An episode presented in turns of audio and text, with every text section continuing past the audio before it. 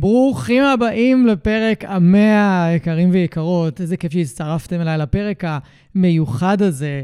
ממש לפני שנתיים פתחתי את הפודקאסט מחשבות של כלב מתוך רצון גדול לחזור למקורות ופשוט לתת ערך, לתת תוכן. ולכבוד האירוע המיוחד הזה, נפגשנו במאי קמפוס ממש לפני שבועיים. אלה מכם שהצטרפו אלינו, הקליטו יחד איתנו את הפרק המאה. התכנסנו במאי קמפוס, אתם הייתם הקהל, אני והפאנל פשוט דיברנו בינינו והעלינו נושאים מאוד קשים לשיחה על כלבים מורכבים, כלבים רגישים והדרכים להתמודד איתם, וגם ענינו לכם על שאלות בסוף. אז קודם כל, תודה רבה לכל אחד ואחת מכם שהגעתם ותמכתם והשתתפתם ושאלתם ודיברתם איתנו. והיה אירוע באמת מיוחד ויוצא דופן, ואני מאוד מאוד מאוד שמח שהייתם איתי, ואני מקווה שניפגש גם בפרק ה-150 וה-200 לעוד אירועים כאלה. ועד אז, הפרק הזה הולך לעסוק בהתמודדות הרגשית היומיומית שלנו, הבני אדם שמטפלים בכלבים רגישים. והפעם אתם תשמעו את זה מפי מאלפים, שהתמודדו ומתמודדים עם הקשיים האלה על בסיס יומיומי, עם כלבים שהם סופר מורכבים, שיכולים להיות תוקפנים כלפיהם וכלפי הסביבה. אולי תוכלו לקבל עוד רעיונות ועוד דרכים להתמודד. אז יצא פרק ארוך, תראו אותו בחלקים, אני מקווה שתהנו ממנו. פתיח קצר, אנחנו ישר צוללים לפרק. ברוכים הבאים לפודקאסט מחשבות של כלב. שמי גיא תיכון ואני מטפל התנהגותי בכלבים בשיטות המבוססות על תגמולים וחיזוקים בלבד. אני מאמין שחשוב לגדל כלבים כיום בראייה הוליסטית ולא מספיק לגדל אותם בראייה התנהגותית בלבד. בכל יום שישי יעלה פרק חדש בנושא מרתק, דרכו אלמד אתכם להבין כלבים ברמה עמוקה יותר, מה שיסייע לכם לשפר את הקשר איתם ולחיות בצורה הכי טובה ביחד. תודה שאתם מקדישים לי מזמנכם, המשך פתיח ומתחילים.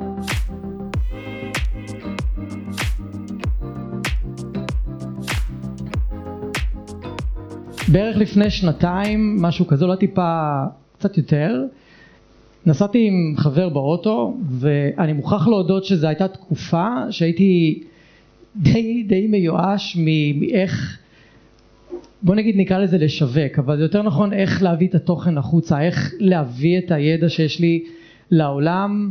סרטונים זה לא משהו שבא לי בטבעיות, אני צריך להתאמץ כדי לעשות אותם, אני צריך לעבוד קשה כדי לעשות אותם.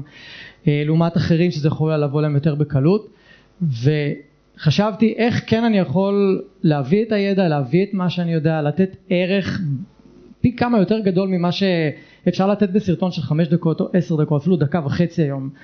ואז עלה הרעיון של, ה, של הפודקאסט שהוא כבר ככה התרוצץ לי בראש הרבה זמן אבל הוא, הוא ככה התחיל לקבל יותר, אה, יותר חיים משלו.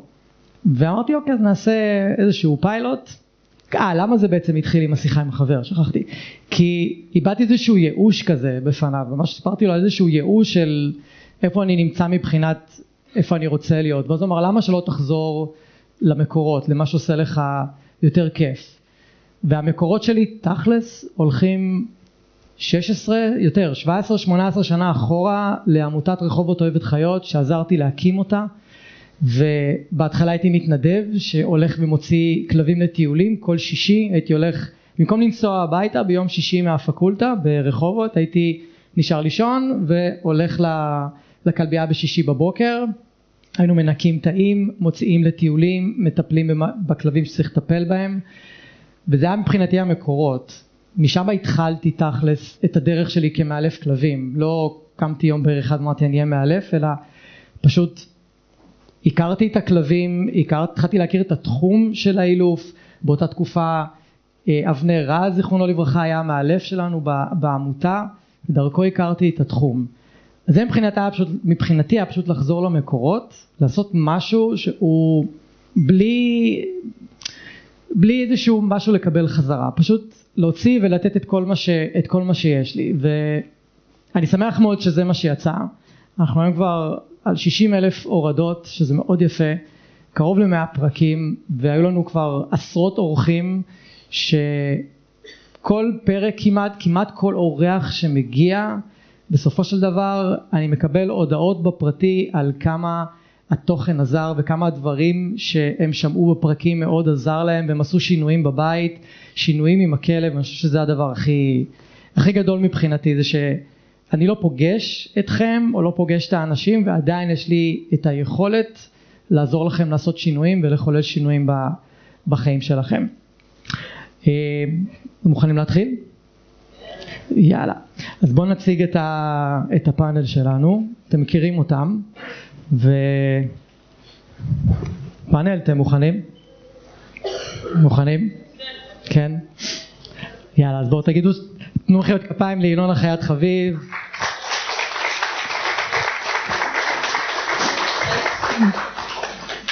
לאן סיבוב?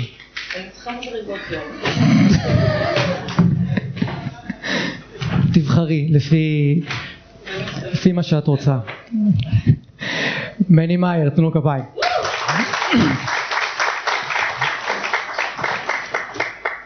אלי צ'רנובילסקי, בוא.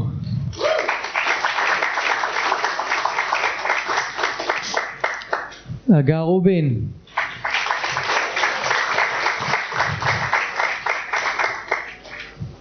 אלה מורן.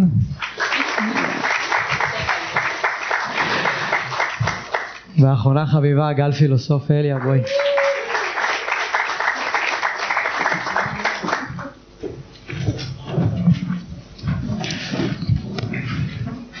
אתה כנראה תתחיל טוב אה, אני עם הטלפון אני לא שולח לאף אחד הודעות זה השאלות ולא אה, כן. טוב אז אנחנו קופצים ישר לשאלות ול... ואני מזכיר, אנחנו משתדלים לענות בצורה הכי אותנטית שיכולה להיות, ובאמת להביא את עצמנו בצורה הכי, הכי אותנטית שיש. החלק הראשון יהיה מוקדש, מבחינת שאלות יהיה מוקדש ל... לתת איזשהו מימד מההתמודדות שלנו כמאלפים, אפילו עם כלבים רגישים, תוקפניים, ו... ואז בחלק השני אנחנו נדבר על אה, על הצד שלנו המאלפים, האמת, איזשהו צד שלא מדברים עליו הרבה, אנחנו נביא אותו גם לידי, לידי ביטוי פה. מוכן? יאללה. קודם כל לך הייתה כלבה תוקפנית. תזכירי את השם שלה? מאלי. מאלי, נכון. ואני רוצה לשאול, איך התמודדת עם התוקפנות של הכלבה שלך כמאלף? למרות שכל מה שעשית לא שינה את ההתנהגות שלה, ואני בטוח שהיה שם המון תסכול כי עבדת ועבדת והתאמנת איתה ועדיין לא ראית את השינוי שרצית לראות. ואז קודם כל איך התמודדת עם זה? ורגע ואם יש משהו ביכולת שלך להתמודד רגשית עם, ה, עם ההתנהגות שלה אחרי שעשית את המעבר אוקיי רגע אז... אני אתן אולי רקע אלי היה מאלף אה, מסורתי כמה שנים? שש שנים. שש שנים. ואז עושה את המעבר. כן. נכון. אמ, אז הכלבה ש... תקרב טיפה. כן, לצערנו כבר לא איתנו היום. אמ, אז היא הייתה פיטבולית אמסטפית מהסוג הגרוע ביותר שאפשר אה, לקבל.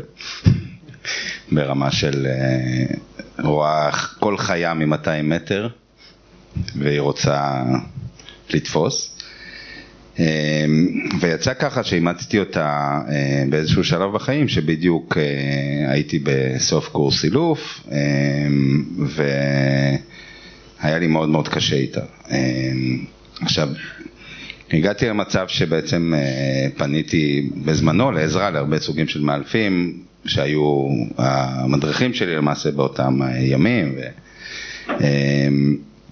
ולא קיבלתי איתה שום תוצאות נכון לזמן ההוא.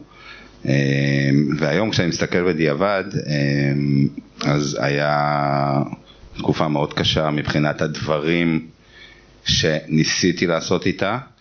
אמ, זה כמובן לפני שעשיתי את ההסבה להילוף פורסטרי. וזה היה מאוד מתסכל. היום כשאני מסתכל אחורה על כל התהליך הזה, אה, אז ביום שהפסקתי בעצם לנסות להיכנס בכלבה אה, וקיבלתי בעצם כלים אחרים, אה, אז הרגשתי באמת שהכלבה מתחילה להשתנות. זה היה באמת תקופה מאוד ארוכה שניסיתי הכל, שאני לא אכנס פה לתיאורים גרפיים של הדברים שעשיתי לכלבה, לצערי, אמ, אבל כן, זה לא, לא צלח. מה, מה השאיר אותך אבל בתוך זה?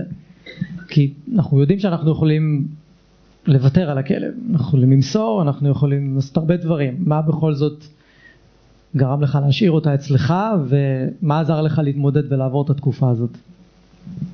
אמ, קודם כל, אה, היה לי כבר כלב כשאימצתי אותה, הוא היה גם פיטבול, הוא היה הכלב הכי מאוזן שיש בעולם, למעשה היא קלקלה אותו, אפשר להגיד, זאת אומרת, הוא היה בערך בסביבות אה, גיל שנה וחצי כשאימצתי אותה, אמ, והוא היה, היה מגדל גורי חתולים מתחת לבית וכזה. אה, ואז הגיעה המטורפת הזאת. אה, וזה התחיל מזה שחודשיים היה צריך להפריד ביניהם בבית, הפרדה טוטאלית. שזה לימד אותי המון על תהליכים של תוקפנות של שני כלבים מאותו בית. עכשיו, כשאנחנו מדברים על כלבים שהם פיטבולים, אז בדרך כלל אם הם רוצים לריב, אם הם רבים, אז זה לא נגמר עד שאין דם ועד שאיזה כלב שם לא, לא ניכנס לתיאורים. אה, אבל כן, זה היה בהחלט תהליך מורכב מאוד. אה, אני מה, מהטבע שלי לא, לא אוותר על כלב בגלל בעיות התנהגות, אבל אה, חיינו עם זה אפשר להגיד. אז אחרי משהו כמו חודשיים של הפרדות בבית וככה בנינו תהליך שלם ולאט לאט הם התחילו להתרגל אחד לשני ועדיין בשנה, שנה וחצי הראשונות היו קרבות mm. מטורפים. Mm. אז הם כן הגיעו למצב שהם היו חיים ביחד בצורה יחסית סבירה, אבל אז עדיין היה לי את הבעיה שלה בחוץ. אמ, והשנים האחרונות ש... כשהתחלתי לעבוד איתה בצורה אחרת, שהיא בעצם בצורה פורס פרי, זה פשוט שינה את הכלבה לחלוטין, למצב של אה, כלבה שאפשר ללכת איתה ברחוב, וגם אם היא לא תאהב איזשהו כלב אז היא תמשיך ללכת, והיא יכולה לראות חתול ולהמשיך ללכת, אה, וזה היה שינוי מאוד גדול מבחינתי. אוקיי. לימד אותי המון. אני כן חייב להגיד שלנו בתור מאלפים קשה לעבוד עם הכלבים שלנו. אה, זאת אומרת, אני יוצא ליום העבודה שלי, חוזר הביתה, כאילו נסגר לי איזשהו תריס מבחינת הכלבים שלי כן. בבית. לפעמים גם יש מאלפים שאנחנו הרבה פעמים כן אפילו מתייעצים אחד עם השני כי, כדי לקבל איזושהי תמונה אובייקטיבית. אני חושב שזה משהו שהוא לי בכל אופן מאוד, אה, מאוד מורגש. שמה, שכאילו, שקיב... שאתה מגיע הביתה ו... שכאילו עם הכלבים האישיים שלי קשה לי להסתכל עליהם בתור, בתור עבודה. נכון. כן. אנחנו מעורבים מאוד רגשית עם ה... חד משמעית. מעולה, תודה. תעביר לגל את המיקרופון. היי. אני אלך קצת אחורה. אנחנו מכירים די הרבה זמן. כן. אני חושב שאצלך זו הייתה הפעם הראשונה ששמעתי כמאלף על כלב שהוא ברמה מאוד מסוכנת לבני הבית שלו. אני זוכר את התיאורים, אני זוכר את הסיפורים, אני גם זוכר את ה... איך הכל התגלגל פחות או יותר. ואפילו אני זוכר אז בזמנו, עוד לא עיכלתי לגמרי, עוד לא הבנתי לגמרי. זאת אומרת, עבדתי עם כלבים תוקפניים וכאלה, אבל בשיחה איתך אני פתאום הבנתי, אוקיי, יש פה עוד מדרגה אחת, כמה מדרגות למעלה של כן. התמודדות. נכון. וזה ברמה של אה, אפילו לשים לכלב רצועה כדי לצאת לטיול ואפשר לקבל ביס ביד. כאילו ברמה כזאת של אי אפשר להתנהל עם הכלב ברמה בסיסית, אי אפשר לעשות דברים בלי לחשוב שנייה, רגע, זה בטוח לי, זה לא בטוח לי, נכון? נכון. אז בסופו של דבר אינדי חי עד עשר ומשהו? עשר וחצי שנים. עשר וחצי. כן. אז במהלך ה... אוקיי, הייתה תקופה שזה כן הלך ו... והיה יותר בסדר, היה יותר... נכון. זה הלך והשתפר, אז אני יותר מעניין אותי זה מה החזיק אותך עד לתקופה שזה היה יותר בסדר. אה, דבר ראשון, אני אגיד שאני לא הייתי מאלפת כשאימצתי את אינדי, אני כן. הייתי אה, בת אדם מן השורה, שבטח כולכם פה, חלקכם עברתם את זה בעצמכם, שחשבה שכלבים זה חמוד, ורצתה כלב, ואימצתי גם גור, כאילו לא תגידו שאימצתי איזה כלב שאמרו לי בעמותה שהוא תוקפני, גור, כאילו מי חושב שזה בכלל יכול אה, זה. אה, תקרבי קצת. ואני חושבת שמהרגע הראשון אה, הוא, הוא, הוא הצית אצלי רגשות מאוד אה, של חמלה, של, של רצון לעזור, הוא היה כמו הילד שלי, הוא הילד הראשון שלי, ממש, כאילו, והרבה פעמים באילוף מסורתי הוא אומר, כלב זה לא ילד, אבל, אבל אני לא מדברת רגע על המבנים הקוגניטיביים הדומים והסוגי למידה הדומים, אני מדברת רגע על מה שזה מעורר בנו כ, כהורי כלבים. ומבחינתי הוא היה הילד שלי ודי מהר הבנו שהוא בסקט קייס כאילו לא יודעת שהוא היה הוא היה שבוע אצלנו ואז הוא התחיל לנהום עלינו Mm-hmm. וכבר התחלנו לדבר על להחזיר לעמותה וזה ו... והבן זוג שלי אז אמר אני עכשיו הוא קטן אבל כאילו הדבר הזה זה יגדל הוא צפוי להגיע ל-25 קילו 40 ברור זה לא נגמר ב-25 צפוי להגיע ל-25 קילו אני לא אני מפחד להשאיר אותו איתך בבית לבד וכזה. וככל שדיברנו על זה הבנו שא' אנחנו באמת מאוד אוהבים אותו, כי אנחנו מאוד קשורים אליו, הוא באמת אה, עורר אצלנו אה, רגשות כאלה מאוד, אה, וגם הבנו שכאילו מה יהיה איתו, אם הוא לא יהיה אצלנו איפה הוא יהיה. ובאמת זאת הייתה הבנה שכאילו אי אז, אני מדברת על שנת 2010, אני לא יודעת אפילו איך הבנו את זה, הבנו שאם הוא לא יהיה אצלנו לא יהיה טוב. לא, mm-hmm. כאילו לנו אולי כן יהיה טוב, אבל, אבל לא, לא יהיה טוב. ו, וזהו, ובאותה תקופה הייתי באיזה משבר מקצועי לא קשור, הייתי, שוב, לא הייתי בתחום בכלל, וככה חשבתי לעצמי לאן פניי מועדות, וכל מה שרציתי זה להבין מה הולך לו בראש הפסיכופתי הזה שלו, ואז הלכתי באמת ללמוד, ובחיי אני לא יודעת מה החזיק אותי, זה היה, ההתמודדות הייתה יום ביומו. ממש יום ביומו היה עוד אירוע של תוקפנות וכאילו היה מבאס וכאילו ואיכשהו עברנו את זה ואולי אפילו מאיזשהו איזושהי נאיביות כאילו כל הזמן חשבנו שזה ישתפר. אמ, כן אבל בטוח בטוח היו רגעים ופעמים עוד פעם הוא נשך עוד הוא נתן עוד איזה נשיכה תמיד עולות לא המחשבות של טוב אולי נוותר עליו, אולי נמסור אותו, למרות שאנחנו יודעים שאולי אין למי, אבל עדיין בסופו של דבר אנחנו, את, אתם הרגשתם לא בטוחים בבית שלכם, והחלטתם כן. עדיין להשאיר אותו. כן. אמ, מה עזר לכם באותה תקופה?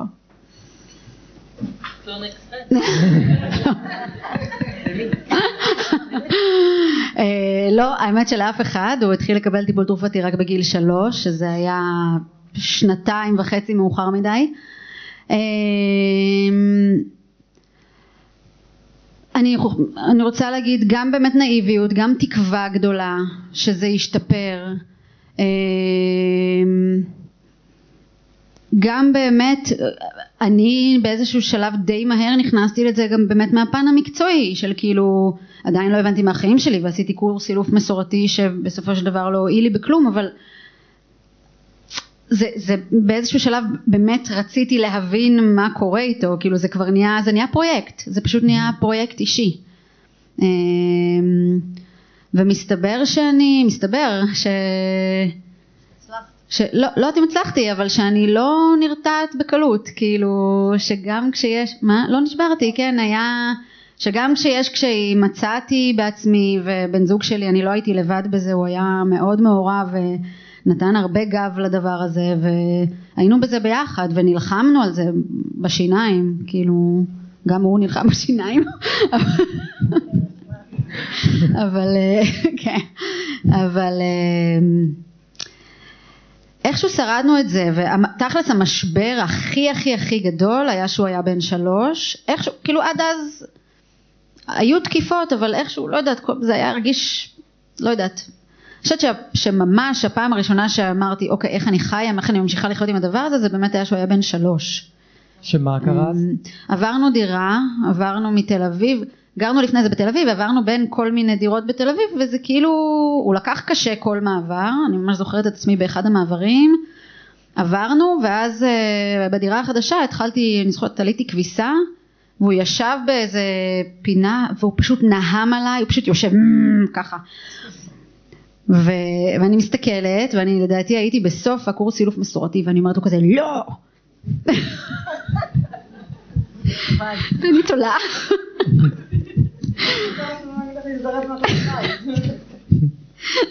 לא יודעת, אז היה, אבל אה, זה כמובן לא גרם לזה שהוא יפסיק לנהום, אבל לא יודעת, איכשהו הכל כאילו עבר, איכשהו עבר, וכשעברנו, זה היה קרה מאוחר יותר, אה, זה כבר עם הילדים האנושיים, אה, אבל עברנו להוד השרון, באיזשהו שלב עברנו מתל אביב להוד השרון, חשבנו שיהיה לו כיף, סביבה כפרית, בית על הקרקע, לא, המעבר הזה גמר עליו באמת, כאילו הוא לקח את זה נורא נורא נורא קשה.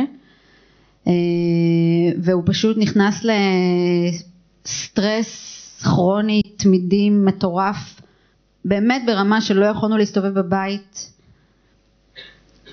לא יכולנו, הבן זוג שלי בכלל, אני עוד איכשהו, לא יודעת למה, הוא העדיף לנשוך אותו, לא היינו יכולים לפתוח מגירה בלי שהוא יתנפל עלינו מאיזה מקום, לפני כל פעולה, כל קימה מהספה, כל, זה ישר לחפש איפה הוא, איפה הוא נמצא.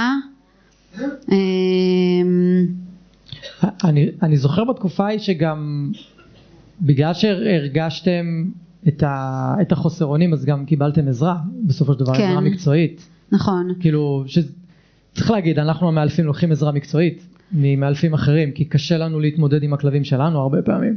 דבר ראשון לקחתי עזרה מקצועית עוד, עוד כשהוא היה גור והתחיל להראות את ההתנהגויות הבעייתיות, רק שהיא לא הייתה באמת מקצועית, זה היה אילוף מסורתי, ובכלל לא היה אז, אה, כאילו שוב, תחילת 2011 כזה, לא היה, לא היה, פייסבוק היה בחיתוליו, לא היו קבוצות בפייסבוק, mm-hmm. היה פורום תפוז, אמ, לקחתי איזה מאלף מסורתי שכאילו הנחה אותנו לפוצץ אותו מכות, מה שאובייסלי גרם לזה שהוא רק עוד יותר אה, נהם עלינו, אמ, ואז לקחנו עוד מאלפת שהיום היא לחלוטין בגישתנו, אבל אז היא לא הייתה, ואני זוכרת שכתבתי בפורום תפוז, תמימה שכמוני, עוד באותו ערב היא התקשרה אליי אה, להגיד לי ראיתי שכתבת בזה, אה, זה היה לא נעים, אה, ואז קצת איבדתי אימון mm-hmm. במאלפים. מה אה, החזיר לך את האמון? מצד שני גם המשכתי ללמוד אילוף, אז כאילו לא רציתי לשמוע מאף אחד, הייתי בקטע של אני אלמד ואני אפצח את זה. מה, מה החזיר לך את האמון? כי בסופו של דבר לקחת עוד עזרה. הגעתי לתחתית. הגעתי לתחתית, זה, זה באמת היה להיות או לחדול. המעבר הזה להוד השרון אה, ואני ממש זוכרת את עצמי, כבר הייתי בקבוצות של המאלפים, כבר סיימתי, כבר עבדתי כמאלפת איזה שנה וחצי, לא עם מקרים מורכבים וזה, אבל... אה, ואני זוכרת שכתבתי כזה בקבוצות פייסבוק של המאלפים ו... ואחת המאלפות התקשרה אליי וממש התחננה ש... שאני אפגש איתה. כן. אמ, כי לדעתי יש מצב שכבר העליתי שם דילמות באמת של מסירה או הרדמה או וזה כנראה מאוד נגע לליבה אה, והסכמתי, נפגשתי איתה ובאמת זה היה אמ, לשמחתי כי גם זה הציל אותנו וגם אה, מהפן המקצועי אני כאילו את הכלים הכי טובים שלי לא הכי טובים מאוד רכשתי מאוד כל מיני מקומות אבל אין ספק שזה היה אה, מאוד קידם אותי מקצועית אה, העבודה הזאת. אה, מה, מה לגבי הסביבה? הסביבה בטח הייתה מאוד שופטת. ברור. איך התמודדתם עם זה? היה קשה, כאילו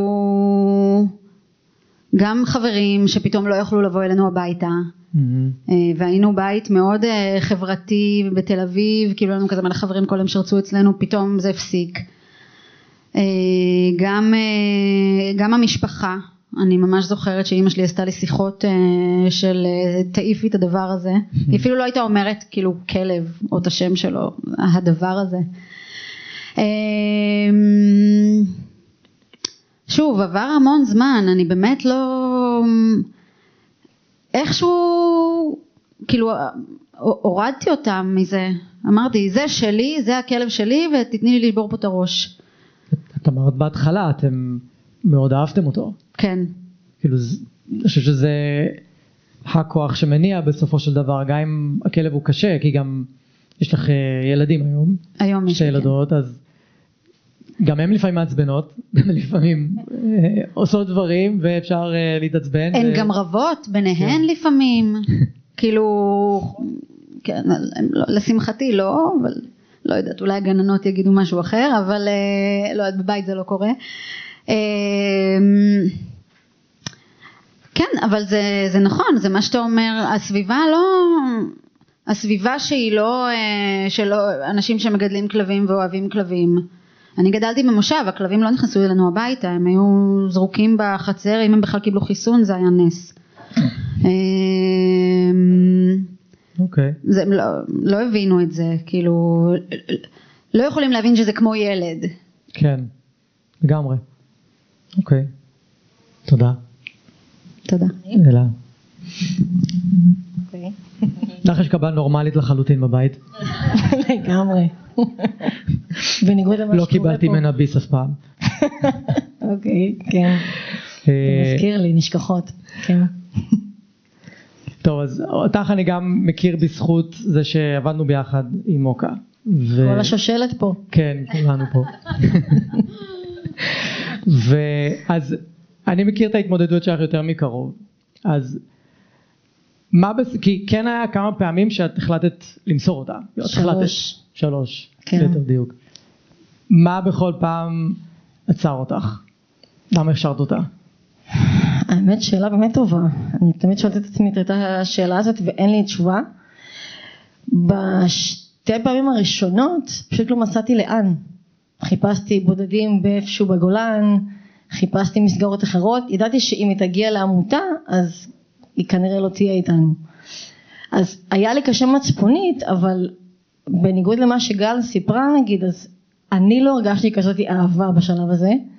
היה לי קשה נורא להגיע למשהו שאני אוהבת אותה, אני חושבת שהיא הגיעה בשלב מאוד מאוחר, אולי אפילו עם, עם מני, אפילו לא בתקופה שעבדתי איתך.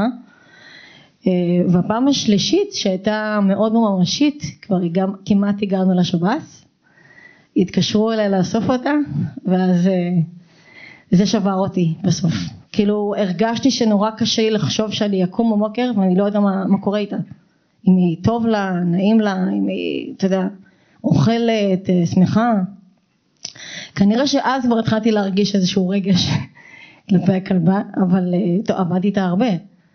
אבל אה, לדעתי השלב שכבר זה היה מאוד אמיתי, זה משהו שם לא אפשר לי למסור אותה בסוף.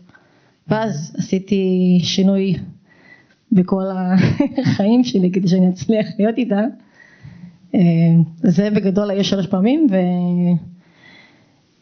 וזה נראה לי הפעם הראשונה שבאמת אה, הבנתי שכנראה נקשרתי אליה באופן מאוד מפתיע. אה, אבל אה, הבנתי גם שאני צריכה לעשות המון המון עבודה כדי להפוך את זה למשהו שהוא יהיה יותר סביר לחיות איתו. כי זה לא, זה רחוק מאוד ממה שזה היום, מאוד רחוק. טוב, אתה יודע, אה, חוץ מאגר ואלי, כולכם יודעים בערך מה היה שם.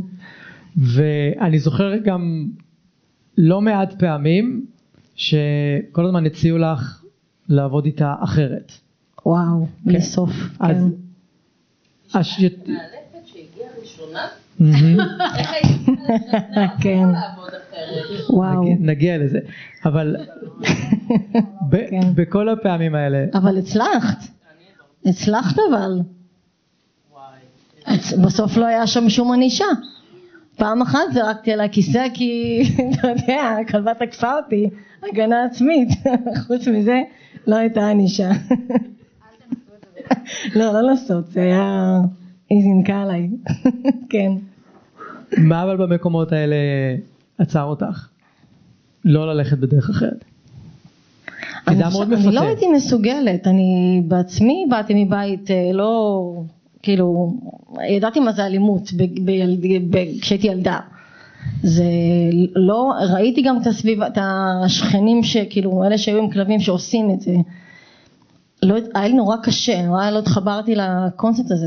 כאילו גם מראש ידעתי שאני, ביום הראשון שהיא כבר הגיעה אליי ותקפה, הבנתי שאני צריכה לטפל בזה, אבל באף שלב לא היה מחשבה שאני צריכה לעשות משהו קשוח, כבר ידעתי שיש דבר כזה שנקרא אלוף חיובי. הבנתי שאני רוצה משהו שהוא יותר כאילו נעים. לא הבנתי שאתה יודע, מבחינתי הכלבה נשכה. אוקיי, נקרא לי מאלפת, היא תתקן אותה ותסדר אותה והכל יהיה בסדר, זה מה שהיה לי בראש לפני כמעט שמונה שנים.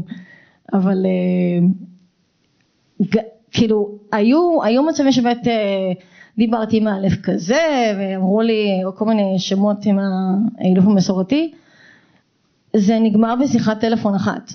כאילו הבנתי שהוא סיפר לי מה הוא עושה, ואמרתי, טוב, זה לא היה לי, לא הרגיש לי שאני מסוגלת.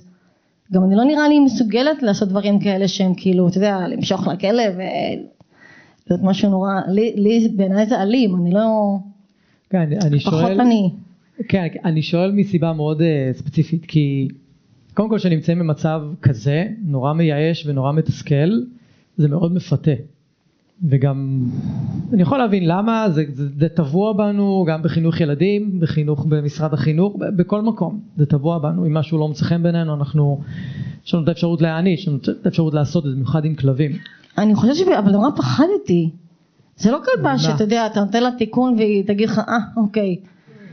לא בא לי לקבל ביסים תוך כדי שאני מושכת לה ברצועה. נכון, כאילו כל ה... עזוב בכלל רצועה, לעבור לידה בבית. היה יכול להיות אה, טריגר לנשיכה, זה לא משהו ש... אני חושבת שעכשיו שחידדת את זה, נראה לי שגם מה שהיה לי בראש זה הפחד. כאילו רציתי בכלל כמה שפחות להתעסק איתה. מהמם. כמה שפחות לגעת, לא להתקרב, לא להתרחק, כאילו כלום. בדיוק, הקוואריום זה היה נהדר, חבל שהיא לא נכנסה לשם. לא כלום, לא תיחום, כלום, לא יכולתי לעבוד עם כלום, כי כל דבר פחיד אותה. אז זה רק היה לתת לה אה, להיות בבית חופשייה. עד באיזשהו שלב שבאמת היא הייתה מאוד מסוכנת והיא הייתה תקופה, נראה לי שאת, מני, אתה זוכר את זה אולי? או גיא, לא זוכרת מי, מי היה באותו שלב. היא הייתה במרפסת אה, סגורה רוב הזמן, כי נורא פחדתי ממנה וגם היה לה מחסום הרבה מהזמן, כי זה היה פשוט, אה, זה היה לפני שהבנתי שאני צריכה להודיע לה שאני עוברת לעוד מעלתה, שאני חיה בבית.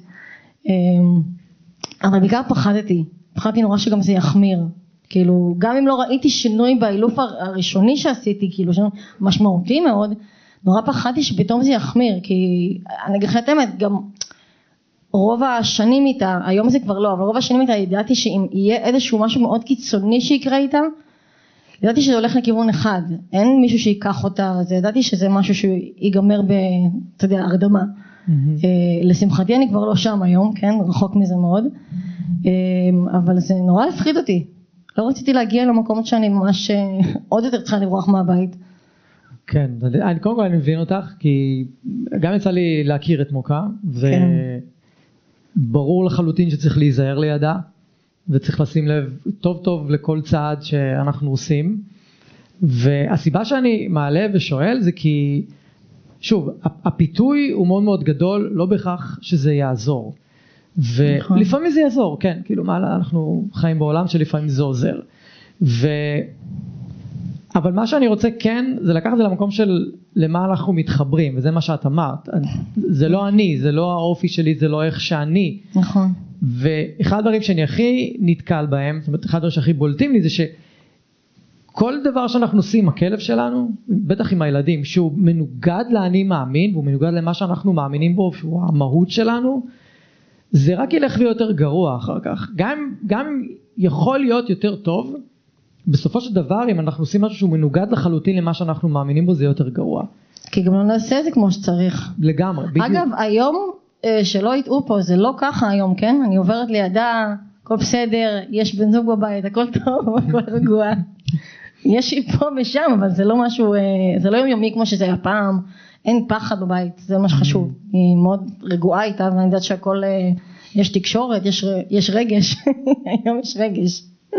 מעולה. אה, תודה. נעבור לאילונה. הופה. היי. בוא נדבר קצת על פיבי. מתי, תספרי קצת על פיבי, אבל אני רוצה שמה שתתייחסי אליו בעיקר, ל- זה מתי הבנת שיש לך כלבה רגישה? אוקיי. מתי הבנת שכאילו, אוקיי, זה השנה היא לא נורמלי. 2011. אילוף חיובי לא היה קיים חבר'ה. סתם, זה, זה כן היה קיים, אבל באמת כאילו לקח זמן להבין שיש דבר כזה. אה, זהו. אה, פיבי הגיעה אליי ככלבה שנייה. אני מתארת את זה כבאמת הכי קרוב לזה, זה דייט גרוע בטינדר. מקום כזה של... אה, שמעו, אבל זה נכון, כל אחד כאן יבין. אה, זה מקום כזה שהלב שלך פתוח, אתה אופטימי, בסוף הערב אתה מאוד מצטער על מה שקרה. אה, יחד עם הדייט שתקע אותי, כי בסופו של דבר לקחת כלבה שהיא פלופה, ונתקעת איתה ואתה לא מסוגל להחזיר. אה, פיבי תוך כמה ימים בעצם שהגיעה אליי, ביום של האימוץ עצמו, הדבר היחיד שעניין אותי שהיא מסתדרת עם חזי הכלב שלי ז"ל, שהוא היה הקדוש. אמ, וזה כל מה שעניין אותי, שחזי מסתדר איתה, ושילך טוב. אה, ותוך כמה ימים הכלבה הזאת שהיא הייתה רבע היא שקלה איזה 17 קילוגרם, ככנענית בינונית, ככה מכרו לי אותה, כנענית בינונית עדינה, לפני כמה ימים פגשתי את מי שנתנה לי אותה כאילו מהעמותה ואז היא אמרה זאת אילונה, היא המאלפת של זה ואני, אני נתתי לה את הכלבה, היא הייתה פלופה ואני כזה כן, אני חייבת לך את הקריירה שלי. אה, תוך כמה ימים היא, היא ניסתה לנשוך שכנים, ילדים שרצים לידה, היא הייתה נובחת על כל כלב שהיינו עוברים לידו. אה, היה, היה בלתי אפשרי כי היא גם לא הייתה מורגלת לרצועה. מצאו אותה בשטחים, הילד בהיריון מתקדם, הכניסו אותה להסגר, הוציאו מהסגר, היא עברה בעצם עיקור הפלה. ובדיעבד, כשאני מלמדת סטודנטים ואני מספרת את הסיפור שלה, אני אומרת כמה זה בעצם משפיע, המצב הפיזי, על ההתנהגות של הכלבה, כאילו היא הגיעה אליי ממש כאילו אחרי בעצם הפלה, לגמרי. מאוד מאוד מאוד מאוד אלימה, כאילו להוציא גורים וסליחה על התיאור הגרפי. אמ, ומה הייתה השאלה? אז כמה ימים? מתי הבנת כן. שיש לך כלבה רגישה? כאילו מה מה היו הסימנים? מה הוריד. לך את האסימון היא הזה? ישבה עליי, היא לא, היא לא הסכימה כאילו לנסוע באוטו.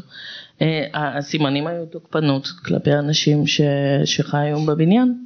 כן, אבל תוקפנות מאוד קל, את עוד- את היית מאלפת או לא היית מאלפת? לא הייתי מאלפת, הייתי תוקפנות? לקוחה. אז של- תוקפנות מאוד קל לתייג ככלב דומיננטי, כלב שרוצה לשלוט, שבו מנסה לטפס בהיררכיה, כאילו, היית צריכה לעבור שם איזשהו... כסובייטית זה היה. מאוד קל להתחבר לזה דרך אגב. Mm, אמ, לי היה יותר קל להתחבר לזה כי המאלפת שבזמנו שוב היא עברה צעד כבר, אה, כן היא עובדת פורס פרי והיא מלמדת מאלפים, היא, היא, זה, זה היה כאילו היה טעון שהכלבה היא צריכה קצת לרדת בזה, אמ, ולבן זוג שלי שהוא לא סובייטי, הוא כאילו אמר what the כאילו, מה? על מה היא מדברת? כאילו, הכלבה חמודה, היא לא סבבה. אני מאוד מתאפקת, אבל כולם כאן מעל גיל 18, ואם עשיתי את הבדיחת טינדר, אנחנו זורמים. הוא, הוא לא התחבר בכלל, אז נשארנו שם מעט מאוד זמן, היא כן עברה אילוף מסורתי מאוד קשוח. אה, ואז המאלפת התחילה לעשות את הקרוס אובר שלה. ואז אה, היה פשוט באמת אילוף מסורתי, לא הצלחתי להקפיד, לא הצלחתי לתקן אותה.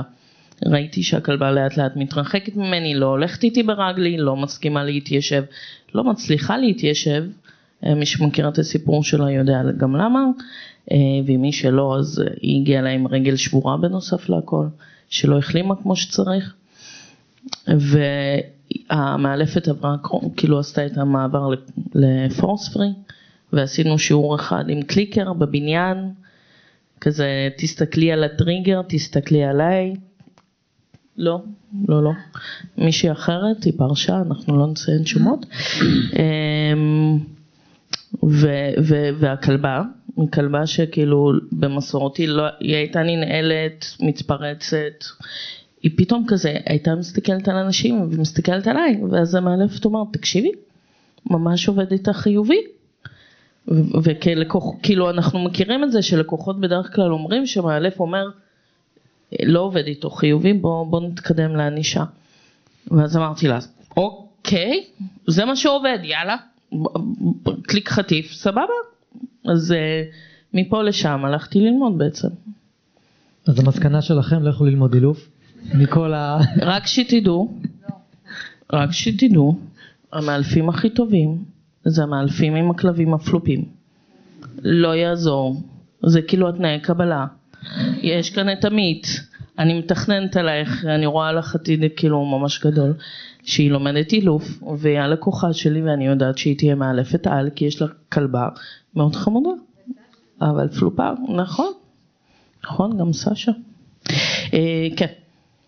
ללמוד אילוף זה עוזר, אני הלכתי מכיוון של פשוט לעזור לעצמי לצאת מהחרדה, לטייל איתה בחולון, שכאילו בחולון אם הכלב נובח עליכם אז אתם מקבלים כאילו לא רק איזה קללה, אתם יכולים גם לקבל יותר מזה, אה, ופחדתי לצאת איתה לטיולים, וצריך, ו, וזה היה נטו לקבל כלים, לא חשבתי שאני אהיה מאלפת כלבים.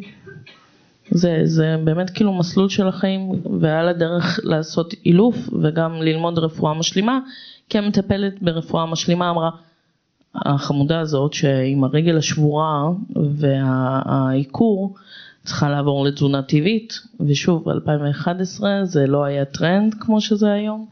זה לא היה כזה להתקשר לחנות להזמין אה, אוכל אה, טבעי.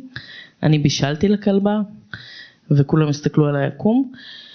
אה, ואז להבין שכאילו המצב הפיזי מאוד משפיע עליה והיו ימים ממש טובים כשהייתה יציבה ופחות פעילות פיזית וכשעבדתי איתה עם אוכל שהתאים לה וכשקצת חרגנו והקיבה והרחם השתוללו שם אז ממש ראו כאילו לא היה רחם נכון כאילו אבל כל האזור של הקיבה היה מאוד רגיש עד היום והיא הייתה שובתת רעב ולא היה עם מי לדבר, אז כאילו זה היו הימים הגרועים, כאילו Mm. שאי אפשר היה לעבור ליד אנשים, ליד כלבים.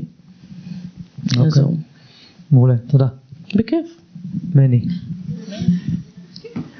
אני קופץ איתך לכלבים חרדתיים. בסדר? תקפוץ. יאללה. יאללה. אמ, אתה עובד הרבה עם כלבים חרדתיים ואתה, גם עשינו על זה שני פרקים בפודקאסט. מה, אני, אני חורג מהתסריט. מה, מה הכלים שאתה נותן לבעלי כלבים בשביל להתמודד רגשית עם, ה, עם הקושי? זאת אומרת, מה אתה בא ואתה אומר, מה אתה בא ואתה מסביר, איך אתה, איך אתה מציף את זה, איך אתה אומר את זה? תראה, קודם כל, אה, כל הנושא הזה של חרדה יש לו סקלות שהן לא, לא בדיוק מוגדרות, אבל אה, בוא נגיד ככל שרמת התפקוד יותר נמוכה, ככה, אה, ככה הכל יותר קשה. בוא ניקח את אלה ברמת התפקוד הנמוכה. הנמוכה. הכלב, לא האנשים. כן, תראה, המורכבות בעבודה עם כלבים שהם כל כך רגישים זה ה... לעומת מקרים אחרים שאנחנו כולנו פה עובדים איתם זה מאוד קשה לנבא. אנחנו בדרך כלל אני יכול להגיע למקרה, להסתכל על הכלב ולראות איפה אני, איפה אני רואה אותו עוד חודש, חודשיים. יש כלבים שאתה מסתכל עליהם, אתה אומר, מה אני, איפה אני מתחיל בכלל? אני, אני כל פעם עובר את זה מחדש, אגב, אני 11 שנים בתחום, אני כל פעם מגיע לאיזה כלב מורכב כזה, ואני, אתה יודע, נכנס אה, עמוק לתוך המוח שלי ומנסה להבין איך אני לוקח את הכלב הזה למקום קצת יותר טוב. עכשיו, יש פה כמה רבדים של מורכבות בדרך כלל, ככל שהכלב יותר מורכב, כי א' כל יש את הקושי הסביבתי, זה שהכלב לא מתפקד. אנחנו לא מדברים פה על כלב, או נגיד שהוא ריאקטיבי או משהו כזה, אלא כלבים שמפחדים מהכל, לא לוקחים אוכל, לא רוצים לצאת לטיול, לפעמים לא רוצים לחזור הביתה, יש גם כאלה. אמ, ואז השאלה הגדולה היא איפה מתחילים. עכשיו אני, הרבה פעמים אני מוצא שזה, שהקושי ה, ה, המשותף הוא א' כל הייאוש מהצד של הבעלים, זאת אומרת אתה, אתה חי עם כלב, אתה עושה, אני עובד עם הרבה אנשים שעושים כמיטב יכולתם ועדיין כאילו המצב קשה. ואז מצד אחד יש את הייאוש הזה, ומצד שני יש את, הכלב שאתה גם, הוא סובל. בסופו של דבר מדובר על כלבים שסובלים, כלבים חרדתיים, אה, כלבים שסובלים מעצם המהות שלהם והקיום שלהם בתוך, אה, לרוב בתוך סביבה שלא מתאימה להם. מהמם. אה, אז זו נקודת פתיחה קשה, ואני חושב שאחד הדרך, אחד הדברים הכי חשובים בתוך הסיטואציות האלה מבחינתי בעבודה עם הבעלים היא קודם כל ליצור את החיבור. בינם לבין הכלב. כן, זה מקודם אלה וגל דיברו על זה קצת, ו... מהמם. אה, כי אם אין חיבור אז, אז נורא קשה, כי אתה עובד פה, אתה כל, אתה כל הזמן נכנס לעוד, לעוד מבוי סתום ועוד מבוי סתום, אתה מתקדם צעד אחד, אתה חוזר שלושה אחורה, וזה יכול להיות מורלית מאוד קשה, זאת אומרת, אה, הרבה אנשים פה ש... שנקרא לזה שרדו עם כלבים קשים, צריך, צריך אופי חזק, זה לא, זה לא סתם, זה יכול להיות מהרבה סיבות, גם אם זה שרצו למסור, לא רצו למסור. צריך ממש אורך רוח ואופי חזק ויכולת להתמודד עם משברים, נראה לי שזו מילה שלא אמרנו פה, משברים, זה... החיים, משברים. של... ו- ואיך, אוקיי, אז קורה משבר בתהליך, איך אתה ניגש אליו, איך אתה עוזר בעצם לאנשים להתגבר עליו, לעשות את הצעד קדימה, להישאר בתוך זה. זה, זו שאלה טובה, כי אני יכול להגיד לך שזה משהו שמשתנה עם השנים, כי מהמם. בתחילת הדרך הייתי נבהל מזה. מהמם. אתה בא כמאלף בלי הרבה ניסיון, בא אליך לקוח ו...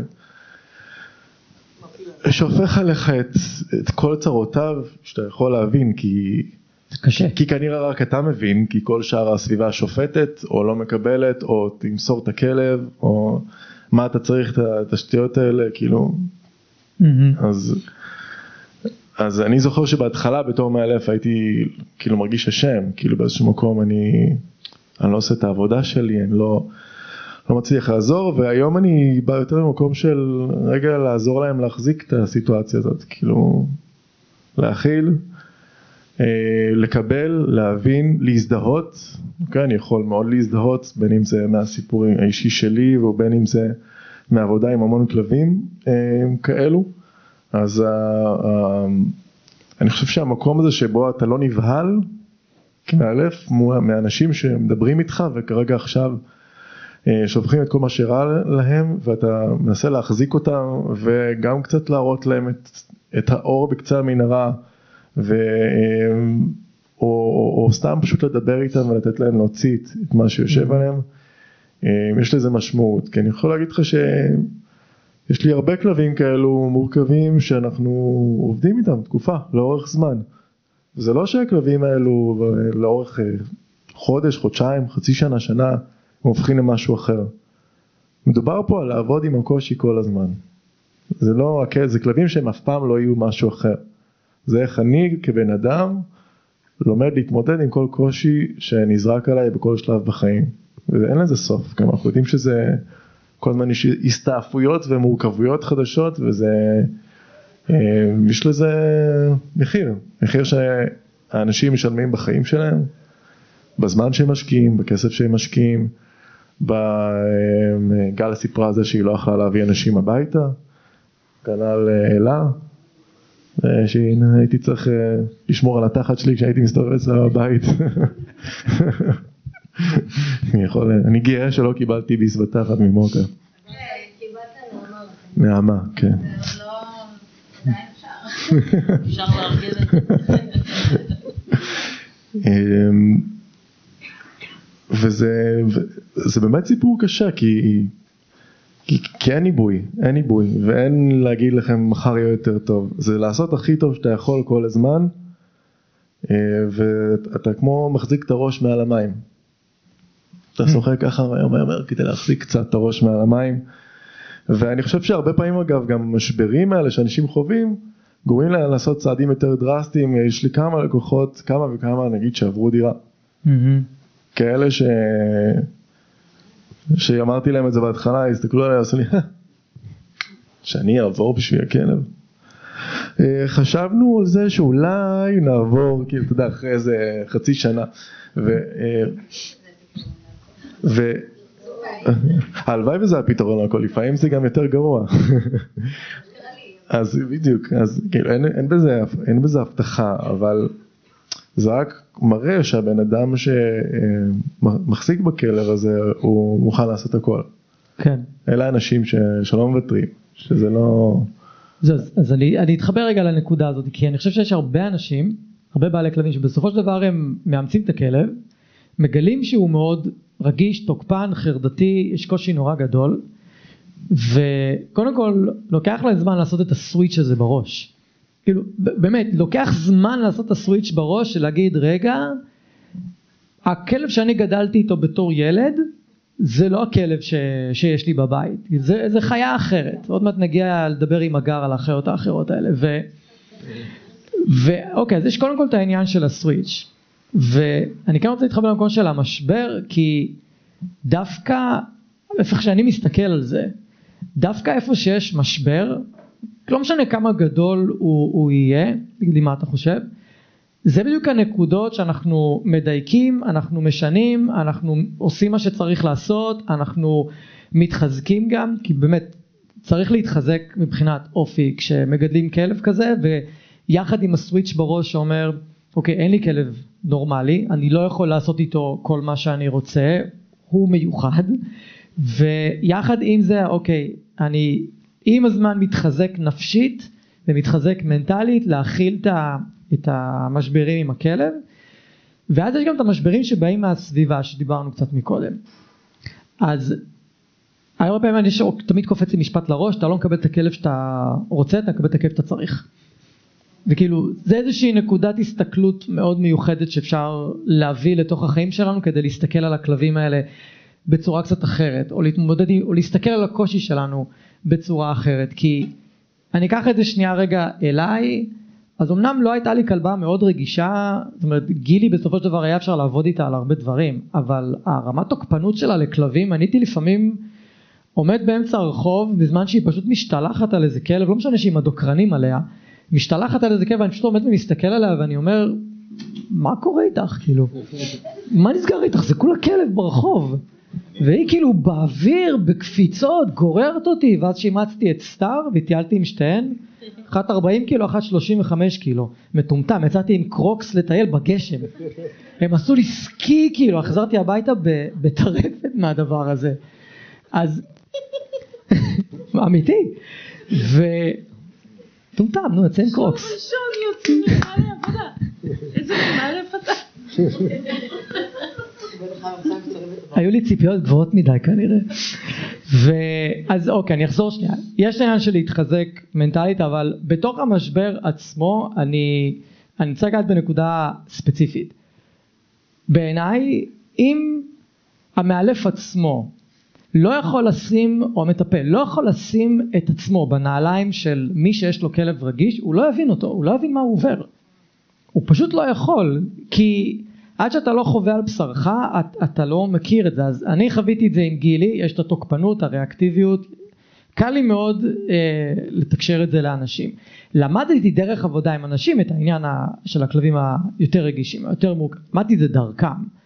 ו, והיום כשאני מדבר על משברים אז המשברים הם יותר במקום של אה, לעשות איתם שיחות כמו שאתה אמרת לתת להם לפרוק לתת להם להוציא את זה לכוון אותם לסביבה יותר תומכת. יש אנשים שאשכרה אמרתי להם, תפסיקו לדבר עם האנשים האלה על הכלבים שלכם. אנשים מסוימים תפסיקו לדבר איתם כי הם רק מורידים אתכם, הם רק עושים יותר נזק, הם לא באמת עוזרים, הם רוצים לעזור, הכוונות שלהם טובות, אבל הם לא באמת עוזרים. כי הם לא מבינים גם. בדיוק, הם לא מבינים, כמו שאימא של גל אמרה תוציא את הדבר הזה מהבית, הם לא באמת הבינו. אז אני חושב שיש פה איזשהו... אחר. אז יש כאן איזשהו מכלול כזה בעיניי, אז זה גם הסביבה של התומכת של אנשים, זה גם באמת האופי של האנשים, אבל אני חושב שאנחנו במקום שלנו, במיוחד בגלל שיש לנו רקע מהבית, יש לנו גם את האפשרות לבוא ולתת לאנשים איזושהי דרך של רגע, אפשר להתחזק, אפשר לבנות איזשהו אופי ו- ולהתחזק ועדיין להיות מסוגלים לעבוד עם הכלב הזה. כן, זה, אתה יודע, גם הרבה דברים שאמרת, גם לדעת להתעלם מרעשי רקע, וגם אה, לקחת משברים כאיזשהו אה, מקפצה לצמיחה. Mm-hmm. כי אם צלחת משבר, אז אתה, אתה יוצא ממנו מחוזק בסופו של דבר.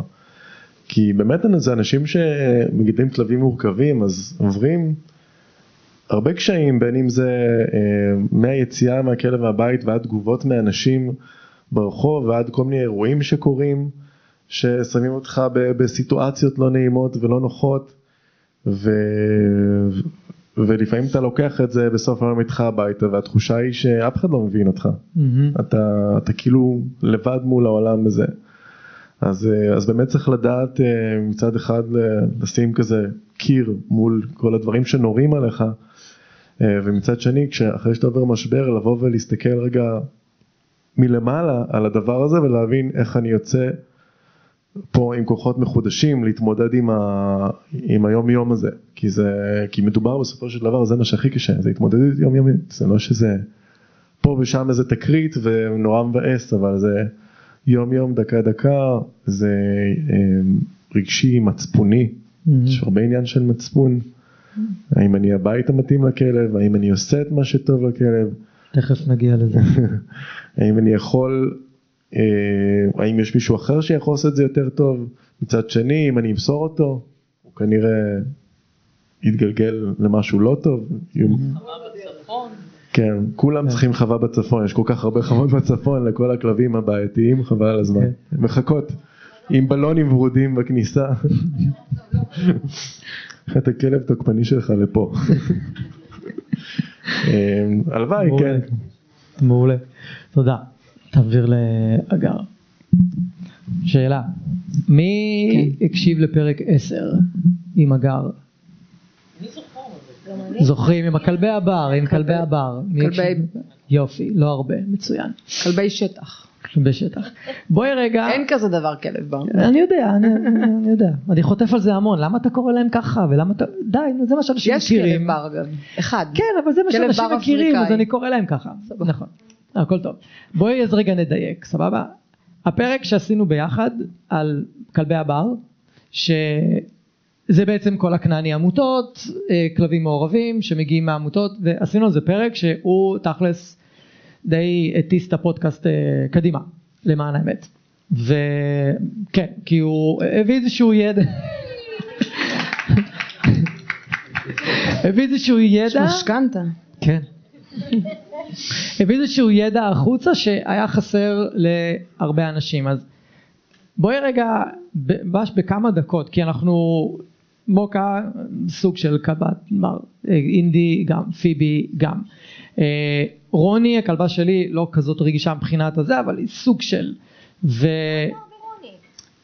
רגישה לא, אבל לא, איך היא קשורה לבר? תורי לדבר. בואי רגע אה, נסביר למה זה כל כך קשה עם הכלבים האלה. מבחינה גנטית, למה זה כל כך קשה איתם? קודם כל אני שניונת אתן ככה רקע למה בכלל אני רמה, ירדתי לרמות רזולוציה של ללמוד את זה עד כדי כך. אז אני החלטתי שאני הולכת להיות מאלפת כלבים אה, אי שם בשלהי 2005 אחרי שסיימתי תואר ראשון ואמרתי טוב אה, תחום הביולוגיה אה, צריך לעשות עוד תואר כי אם לא אצלח באילוף אז שיהיה לי עבודה. אה, ובתור סטודנטית אספתי כלבה מרחובות באר שבע לפני שהדבר הזה היה נפוץ בכל הארץ. אה, גם בבאר שבע זה עוד לא היה כל כך נפוץ. אה, וקיבלתי או יותר נכון הצלתי כלבה פלופה. או לא הצלתי יותר מבחינתה ממש לא הצלתי אותה ובגלל שהגעתי בסופו של דבר כן מתחום אה, מחקרי אקדמי אז באמת מאוד עניין אותי להבין וכמו אצל כולם זה נופל על גם אה, משהו תמיד אישי ואיזושהי הזדהות זה קצת קשור אולי למה מני אמר, אה, ואמרתי וואלה אני מעניין אותי לה- להבין התנהגות, גם עניין אותי להבין התנהגות בני אדם באותה מידה, מהמם. ואז בעצם התחלתי את הקריירה שלי בתור אה, מאלפת אה, מסורתית. אה,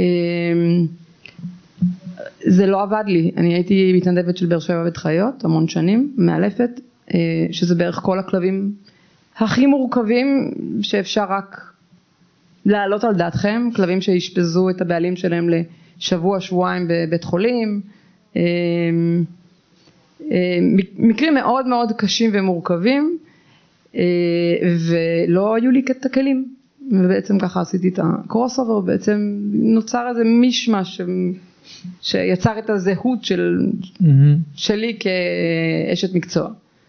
אה, אז, אז גם היום אני מאוד משלבת מה, מה, מהרקע הקודם שלי.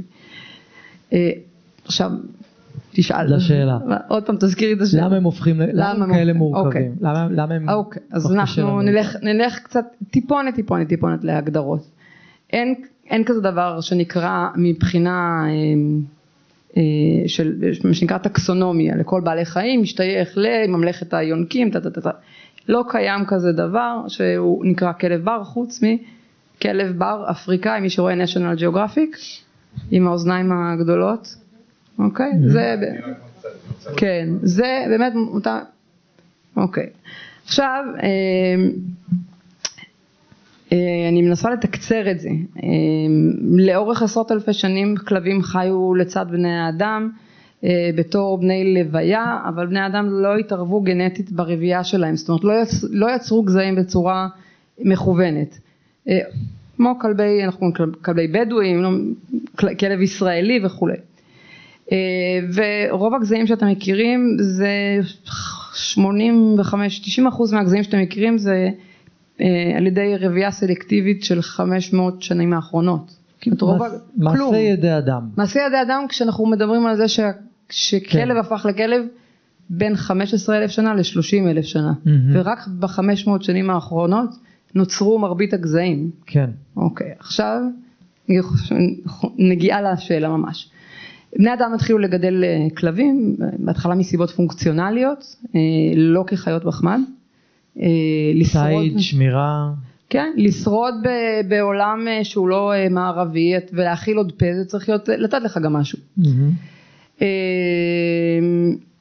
לא היה להם הגדרה ולא היה להם שם, לאט לאט כלבים שינו גם את התפקיד התרבותי שלהם והפכו להיות חיות מחמד, ללא, ללא תפקיד. אה, וכתוצאה מעובדה שהעולם הלך ושנקרא נהיה כפר גלובלי קטן, בעצם אה, גזעים מאזורים מסוימים אה, נדדו לאזורים אה, אחרים, תפוצ- תפוצה גדולה בסך הכל של כלבים בכל העולם ובמקביל לזה קרו עוד כמה תהליכים שקשורים בדיוק במעבר הזה. כשאנחנו מדברים על חיה שהיא מבויתת יש תהליך אחד ש, שיכול לקרות לה שבעצם ירחיק, ישנה את הגנטיקה שלו שזה אה, אה, תהליך שנקרא התפרעות, התפרעות מלשון פרא, באנגלית ההגדרה היא מצוינת, קוראים לזה פרל, פרל דוגס, פרל קטס, בעברית אין לזה מילה ממש ממש טובה.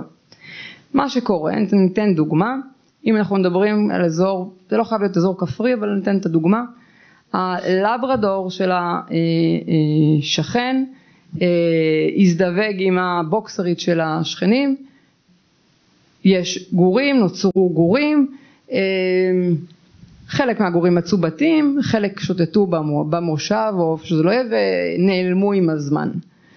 אה, חלקם מתו, אה, אבל אה, חלקם בסטטיסטיקה מסוימת, יש, אם הם נולדו עם גמישות התנהגותית אה, ותכונות מסוימות, תהיה את היכולת לשרוד ללא תלות בבני אדם או תלות חלקית. תלות חלקית זה, זה לאכול זבל.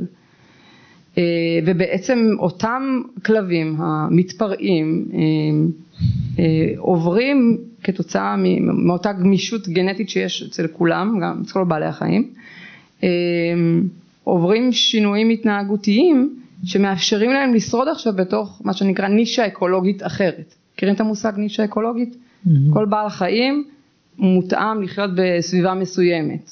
אוקיי? אז למש... תחשבו עכשיו לצורך העניין על כלב שצריך אה, להתקרב למזבלה, פח אשפה, לא, לא משנה, אה, כדי לאכול מה, מהאוכל.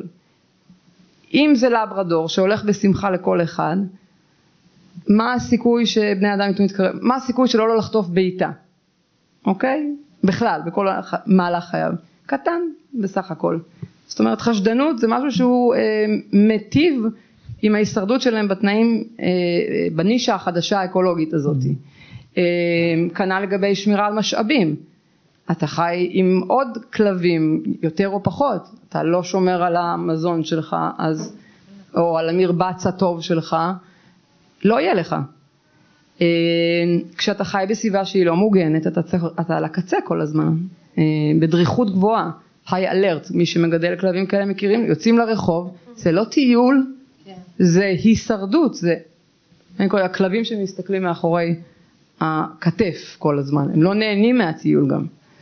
אה, ובעצם כלבים שאין להם את התכונות האלה או אין להם אה, את, את היכולת אה, להשתנות ולהתאים את עצמם התנהגותית לא ישרדו באותם תנאים. מה שקרה בישראל קורה בעוד מקומות בעולם, ההתפרעות הזאת של הכלבים. אה, יש עלייה פחות או יותר משנת אה, 2010, יש עלייה משמעותית בכמות של הכלבים האלה משתי סיבות עיקריות. אחד זה שינוי במדיניות של משרד החקלאות, כשאני הייתי ילדה אני גדלתי בדרום והיה כלבת, הייתי הולכת לבית ספר ורואה אמיתי מזעזע, רעל, אתה רואה שם חתולים וכלבים מפרפרים, זה יצא מהחוק וטוב שכך, זה אה, סיבה אחת, זאת אומרת אין, אין אה, דילול אה, אוכלוסייה. דבר שני, אה, הרבה עניין של אה, יישובים אה, לא מוכרזים בדרום, זה התחיל מהדרום, שאין פינוי אשפה. אוקיי? זה לא שבדואים מגדלים אותם מאיזושהי מסורת עתיקת יומין. מקום שיש אוכל זמין, יגיעו בעלי חיים. מהמם. אנחנו רואים אותם, אותו תהליך שקורה היום גם עם, עם תנים, לא רק בישראל. אז זאת הסיבה לעלייה בעצם, בכמות של הכלבים הזאת, אה, וביחד עם איזשהו אני רגע חוסר. רוצה אבל להגיע פואנטה? לשאלה, כן. מה הופך אותם למורכבים? מה הופך אותם למורכבים? כן, הם לא כך קשים מורכבים, לגידול. הם מורכבים אה, בתנאים שאנחנו חיים הם, הם לא מתאימים אה, לחיות כ, כחיית מחמד בעצם, כל התכונות שאני לא רוצה בחיית מחמד במרכאות, אה, שיהיה נחמד לכולם, שלא ינשוך אותי על כשאני מרימה את הגרביים, אה, שיהיה נחמד לאנשים שמגיעים, אה, שאני אוכל להתיישב על הספה במקום שבא לי אה, בלי לחטוף, מה שנקרא חיים נורמליים, זה בדיוק מה שמאפשר להם, זה שאין להם את זה, לשרוד בתנאים ה... שהם בעצם. נאל, נאלצים לשרוד בהם, וזה משהו שאי אפשר, הוא לא ניתן על ידי שינוי, כי זה, זה שינויים שהם הם מוטמעים, זה, זה שינויים שהם גנטיים.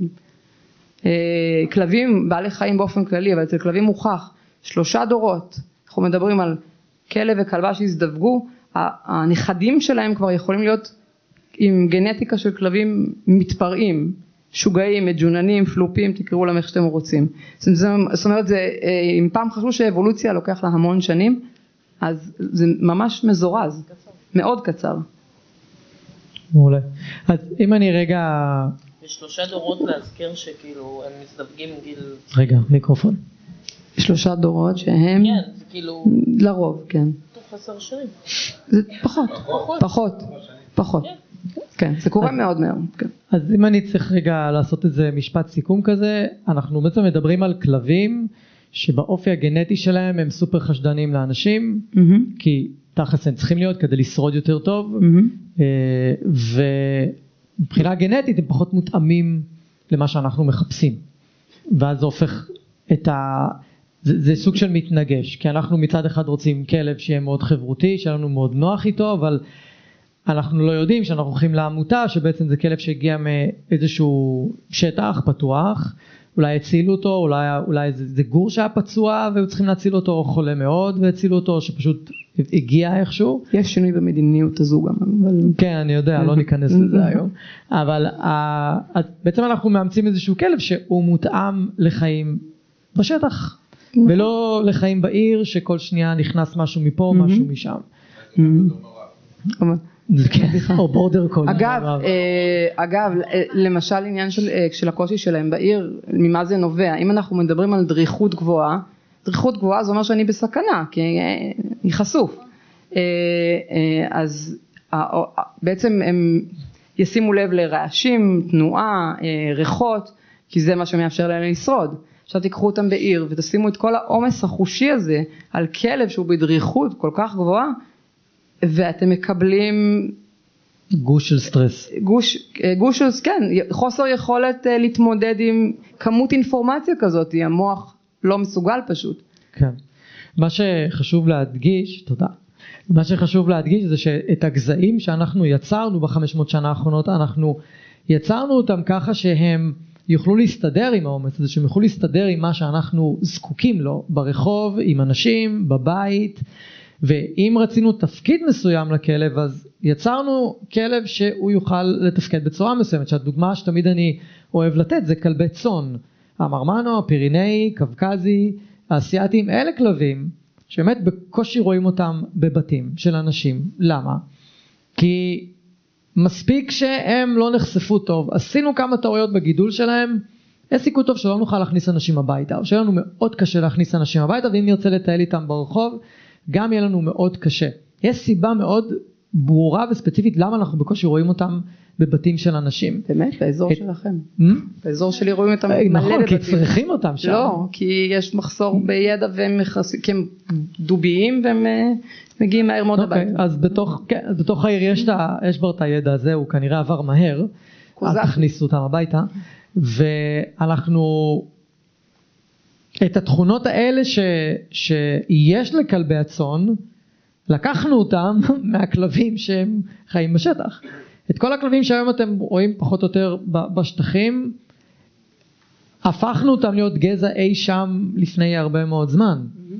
זה מה שעשינו, לקחנו את הכלבים האלה ויצרנו מהם איזשהו גזע בהכלאות מאוד מאוד מכוונות, ואלה פשוט המשיכו לגדול גם בלי קשר אלינו ולהתרבות בלי קשר אלינו, ואז הם הגיעו לכזו אוכלוסייה גדולה שאנחנו, עמותות פשוט קולטות אותם והן חייבות גם למצוא להם אה, בתים. תודה. אה, אני אחזור לאלי. אוקיי. אלי. היי. אלי.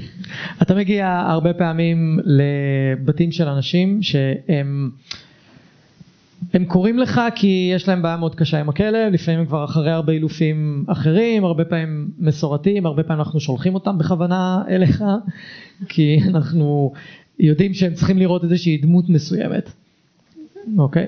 ואז ככה בכמה, בכמה משפטים, מה האמונה הכי גדולה שאתה צריך לשנות או לעזור לאנשים האלה לשנות כדי שהם יוכלו סוף סוף להתחיל לעבוד על, ה, על הקשר בצורה יותר טובה עם הכלב שלהם, להתחיל להתקדם, לעשות איזשהו שינוי בחיים שלהם, כאילו איזה תפיסה או אמונה עדיין מחזיקה אותם חזק שבעצם לא מייצרת להם תוצאות בכלל. אמ, אני חושב שזה בדרך כלל אמ, דברים שעוברים בין קבוצות אנשים מסוימות, בין אם זה קבוצות של אנשים שמגדלים גזעים מסוימים, בין אם זה פיטבולים, רוטוולרים. אמ, וגם הרבה מאלפים שבעצם תומכים את הדבר הזה. אה, כשאני למדתי אילוף לפני 15 שנה, אחת הבדיחות הכי גדולות שהיו בקורס זה משפחה לקחו פיטבול והם ישנים איתו במיטה. אוי ואבוי. כן, כן. כן, כי, כי אם הפיטבול יישן איתך במיטה, אז כנראה, ש... כנראה שזה לא ייגמר טוב. אה, אז יש המון באמת אה, אמונות שגויות. מה, תן לי אחת שכאילו היא הכי, הכי בולטת, שחוזרת הכי הרבה, שצריך לשנות להם, שהכי ב- מעכבת אותם. בעיקר העניין הזה של הגזע הזה צריך טיפול מהסוג הזה. אם הוא לא יקבל את הסוג של הטיפול הזה, אז הוא יהיה תוקפני או דומיננטי או כל מיני דברים כאלה. זאת אומרת. גם אם בפועל זה מעורב. כן, אבל... כן. אה, דמוי דמוי גזע, כן, אבל... זאת, זאת אומרת שכאילו בגלל שהוא בגזע מסוים הוא צריך אילוף מסוים. נכון. ורק, ורק את זה. בדרך כלל אנחנו מדברים פה על אילוף שהוא יותר כוחני, הוא יותר, אה, יותר נכון. מסורתי, יותר... אה, נכון, אפריקה. זאת אומרת יש, יש את העניין הזה שצריך לשים את הכלב הזה במקום, מהמם. אוקיי? ו- ותמיד היא חוזרת איזושהי מנטרה של אם אני לא אשים במקום כלב אה, צ'יוואווה, אז סבבה, אז הוא ינשך, לא. אבל כן, אבל אה, מקסימום יהיה לי חור. כן. אבל אם אני לא אסביר לכלב הספציפי הזה את מקומו, אז כנראה יהיה לנו כלב אה, בעייתי מאוד, אה, חוזר הרבה פעמים למקום של הדומיננטיות, כלב שישלוט עלינו מהמם. אה, וכל מיני דברים כאלה. זהו, כי זו, זו נקודה בעיניי שהיא נורא משמעותית, כי הקטלוג הזה של בגלל שהכלב הוא כזה, הוא צריך עבודה כזאת, זה אחד הדברים שהכי תוקעים אנשים. זה כמו להגיד, אה, הוא ג'ינג'י, הוא צריך חינוך כזה, ולא מתאים לו משהו זה. אני אומר זה. אבל זה כזה, זה ממש ככה, זה כמו להסתכל על אנשים ולהגיד, בגלל שהוא נראה ככה, הוא צריך חינוך כזה. תראה, אבל אני יכול להבין למה אנשים בסוף מגיעים למסקנות האלה. מהמם. כי, כי בא בן אדם ואומר, תשמע, מה הנזק פה נשיכה של פיטבול?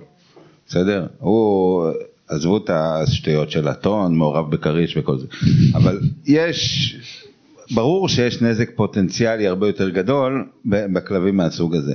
אגב, חוק הכלבים המסוכנים זה אחד הדברים הכי מטופשים שראיתי.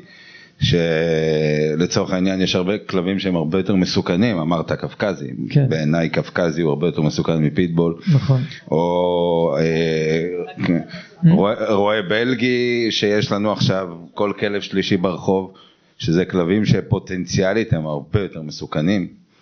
אה, אז אנשים נוטים לבוא בעצם מהמקום הזה של כן, יש פוטנציאל נזק, יש לו יותר עוצמה, יש לו יותר כוח אולי ביחס לגולדן או לברדור או... או בוא, בוא ניקח את זה אז הלאה, כי בעצם המשוואה כאן שאתה אומר, היא ככל שיש לכלב פוטנציאל נזק גדול יותר, ושהוא גדול וחזק יותר, אני צריך כאילו להיות עוד יותר קשוח, עוד יותר כוחני, כאילו לתת לו את הקונטרה הזאת, לא משנה שעוד לא קרה כלום. כן, כאילו כן, זה גם יכול לחלוטין. להיות על גור בן ארבעה גור חודשים. בן חודשיים, שלושה, אני שמעתי... אני גם פגשתי אותם. אני כן יצא לי לעבוד עם הרבה מאוד, בעיקר פיטבולים, הייתי אומר מאות, אמ, ושמעתי סיפורים הזויים ברמות, כי באמת ברמה של מישהי של לך גינת כלבים, והכלב שלה, שהוא היה בן חודשיים וחצי, פיטבול, טיפס על איזה כלב אחר, אם עכשיו לא תהפכי אותו על הגב, זה, אז עוד שנה וחצי את מקבלת אה, כלב, אה, שוב, הכל נובע כמובן מחוסר ידע ומ... ו- ויש מספיק אנשים שמתדלקים את הדבר הזה, כן? כן. זאת אומרת, אה, גם אנשי מקצוע, גם אולי אנשים שהם לא אנשי מקצוע, אבל מתעסקים בדברים הזה, פייסבוק, אה, אנשים בעמותות, אה, ויש המון המון המון אינפורמציה מוטעית, שזה בעיניי אחד הדברים היותר בעייתיים במקום הזה. כן, תעביר להגר את המיקרופון. אתם יכולים לדבר חופשי אם- אתם רוצים, בבקשה את המיקרופון. בגדול, גם זאק ג'ורג' דיבר על זה עכשיו, שכאילו אנחנו במגפת המידע המוטעה לגבי אילוף כלבים. כאילו, ברוב הסיכויים, אם תיכנסו ליוטיוב, תרשמו משהו כרגע באינטרנט, בגוגל, לא משנה איפה, על אילוף כלבים, הסיכוי שאתם תגיעו למידע שהוא מוטעה, לא מבוסס מדעית, בכלל לא עדכני, הוא יותר גבוה מאשר שאתם תגיעו למידע שהוא עדכני, תופס לגבי היום, מבוסס על מחקר חדש, או שהוא באמת מבוסס על איזשהו היגיון בריא של חוקי למידה. כל כך הרבה מידע ומאלפים פשוט מבססים את העבודה שלהם על אפס חוקי אה, אה, בהביוריזם וחוקי התנהגות. ברמה כזאת, אני לא אתן שמות עכשיו שלא תוכלו לחפש אותם ולהעלות להם את הצפיות קצת בזה. קצת קלקלת לי את מה שרציתי, אבל כן. אני אחזק את זה. אה, יש הרבה תחומים בארץ שהם אה, תחומים אה, ללא רגולציה, זאת אומרת, יש הגדרה מאוד ברורה למשל מי הוא מטפל על ידי משרד הבריאות. למשל מטפלות זה תחום ללא רגולציה, לצער כולנו, אני מניחה. אה, וגם אילוף, אה, זה תחום ללא רגולציה ו- ולכן בעצם אין שום גוף מפקח או סטנדרט אחיד. מה שקורה בתחומים האלה זה שיש ניתוק כמעט טוטאלי בין מה שהמדע יודע אה, לבין מה שהשטח יודע, באמת ניתוק כאילו זה שתי, שני כוכבים אחרים. יש פער מאוד גדול.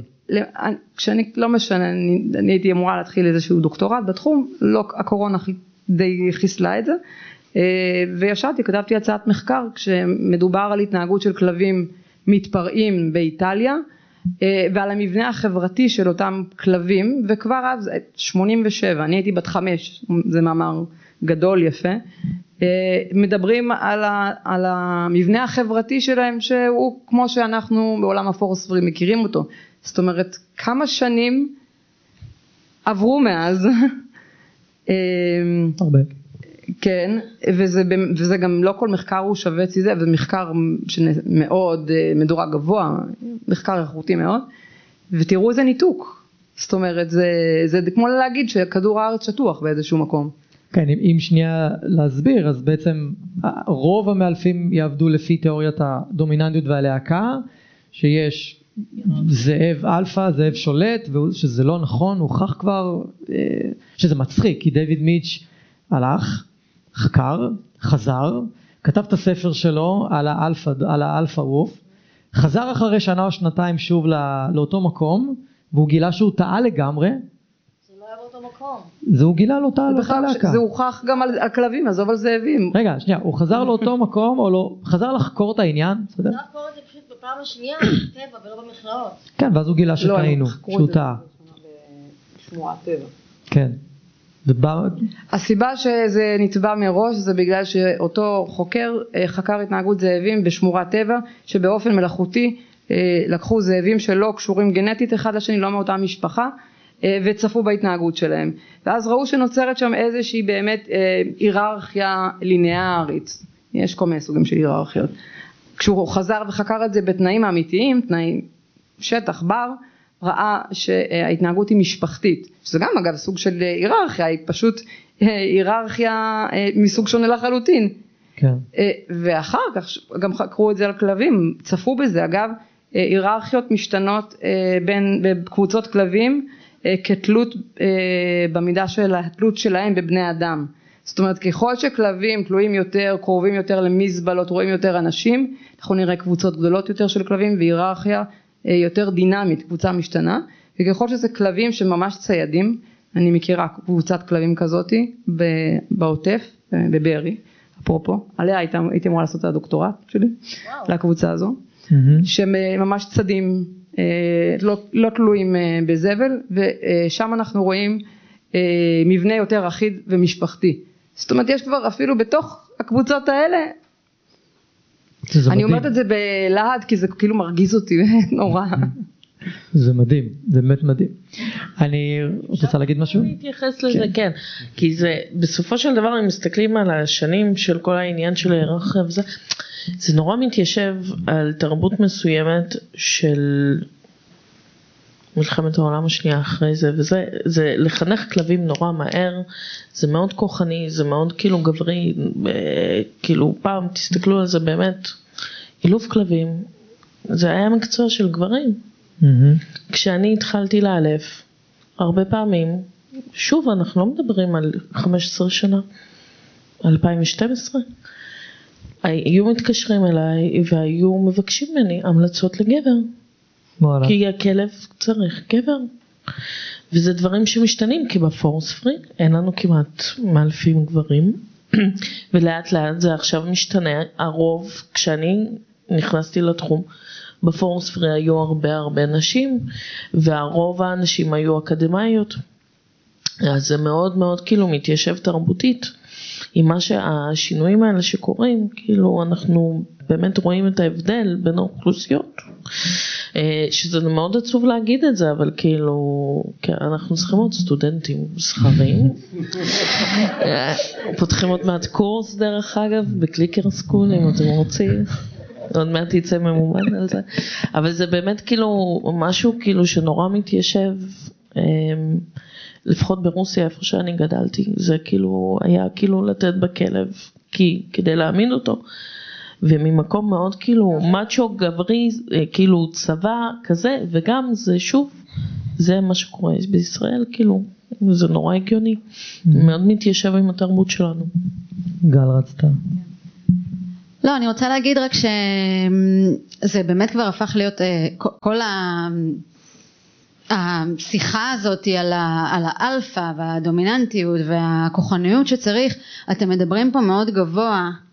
אמ, אני לא בטוחה שבהרבה בתי ספר מסורתיים בכלל, זאת אומרת, אני למדתי בבית ספר מסורתי, אה, הקורס סילוף הראשון שעשיתי, אמ, לא היו צידוקים אקדמיים, זה לא שבאו נכון, ודיברו נכון. איתנו על מחקרים והסבירו לנו למה, פשוט באו ואמרו, הכלב הוא דומיננטי, הוא רוצה אה, להתקדם במעלה ההיררכיה ולשלוט אה, אה, אה, על בני המשפחה, אסור לו לעלות לספה, אסור לישון איתו, אסור לתת לו לצאת ראשון מהדלת, אה, הוא צריך לשבת כשמחברים לו את הרצועה, כל מיני. למרוח שתן שלי אה, על הלמעלה של הכלוב טיסה כדי שהכלבה תבין שאני שולטת עליה. כן. נכון, אתה גם היה לך איזה סיפור שאמרו למישהו להשתין על הכלב או משהו. לא, לא. לא, לנו אמרו אם אני רוצה להביע דומיננטיות על החצר של הבית שלי, אני צריך להשתין בחצר של הבית שלי. אמיתי לגמרי. אמיתי לגמרי. מה? אני לא יודע, אני לא עשיתי את זה. כן, כן, אני זוכר, אנחנו למדנו באותו מקום, אני זוכר את ה... את הטענה, את ה, כאילו את ההמלצה הזאת, וגם ממנו זה בא אותה, אותה המלצה להשתין בחצר. לא, אז, אז מה שאני בעצם רוצה לומר זה שאין, אה, השטח אה, הוא לא, זה הכל כאילו כל מיני אגדות אורבניות כאלה שמועברות כן, מעברות מאחד לשני, אין היגיון בדברים, כאילו... כן. זה דורות, זה אינפורמציה דורית. כן, זה גם לא רק שאין מידע, אה, ברח לי, תמשיכי רגע. לא, אז, אז אה, כן, גם, גם לי הייתה איזושהי נקודה שעכשיו אני לא... אבל רציתי להגיד להקשר של אלי, של הפיטבולים, ש...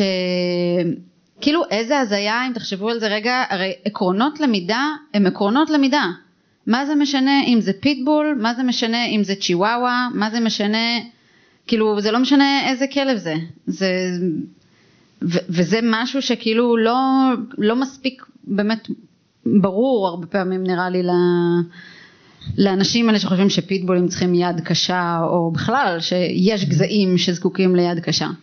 אה, אז אני באמת כבר הפסקתי לנסות לחפש היגיון בדברים האלה, זה פשוט אה, בליל של כל מיני שמועות ואמונות ודברים שאמרו אחד לשני ו... אה, זהו, זה פשוט לא רלוונטי. עקרונות למידה זה עקרונות למידה. מעולה, אז אני רוצה לפנות שאלה אחרונה לאלה, ואז אנחנו, לאלה, ואז ניקח את השאלות מה... נענה על שאלות שלכם. אמ, התחום שלנו הוא מאוד רגשי ומאוד רגשי, אני, אוקיי. אני לא בטוח שמהצד שלכם אתם יכולים לראות את הצד שלנו כמה אנחנו מעורבים רגשית בכל תהליך שאנחנו מעבירים, אנחנו לפעמים ברמה של לא נישן בלילה טוב, איך שאנחנו קמים בבוקר יהיה לנו איזה מקרה בראש או איזה כלב בראש ואנחנו רק נחשוב עליו, כאילו ברמה כזאת ברמה של אני מודאג מכלב מסוים שהוא נשך אתמול, אני מודאג למחרת אם זה יקרה עוד פעם, אני באמת מוצא את עצמי לפעמים באיזושהי חרדה כזו על משהו שבכלל לא קורה אצלי בבית. משהו שקורה בבית אחר, אצל מישהו אחר, עם הכלב שלו, ו... וזה ברמה כזאת.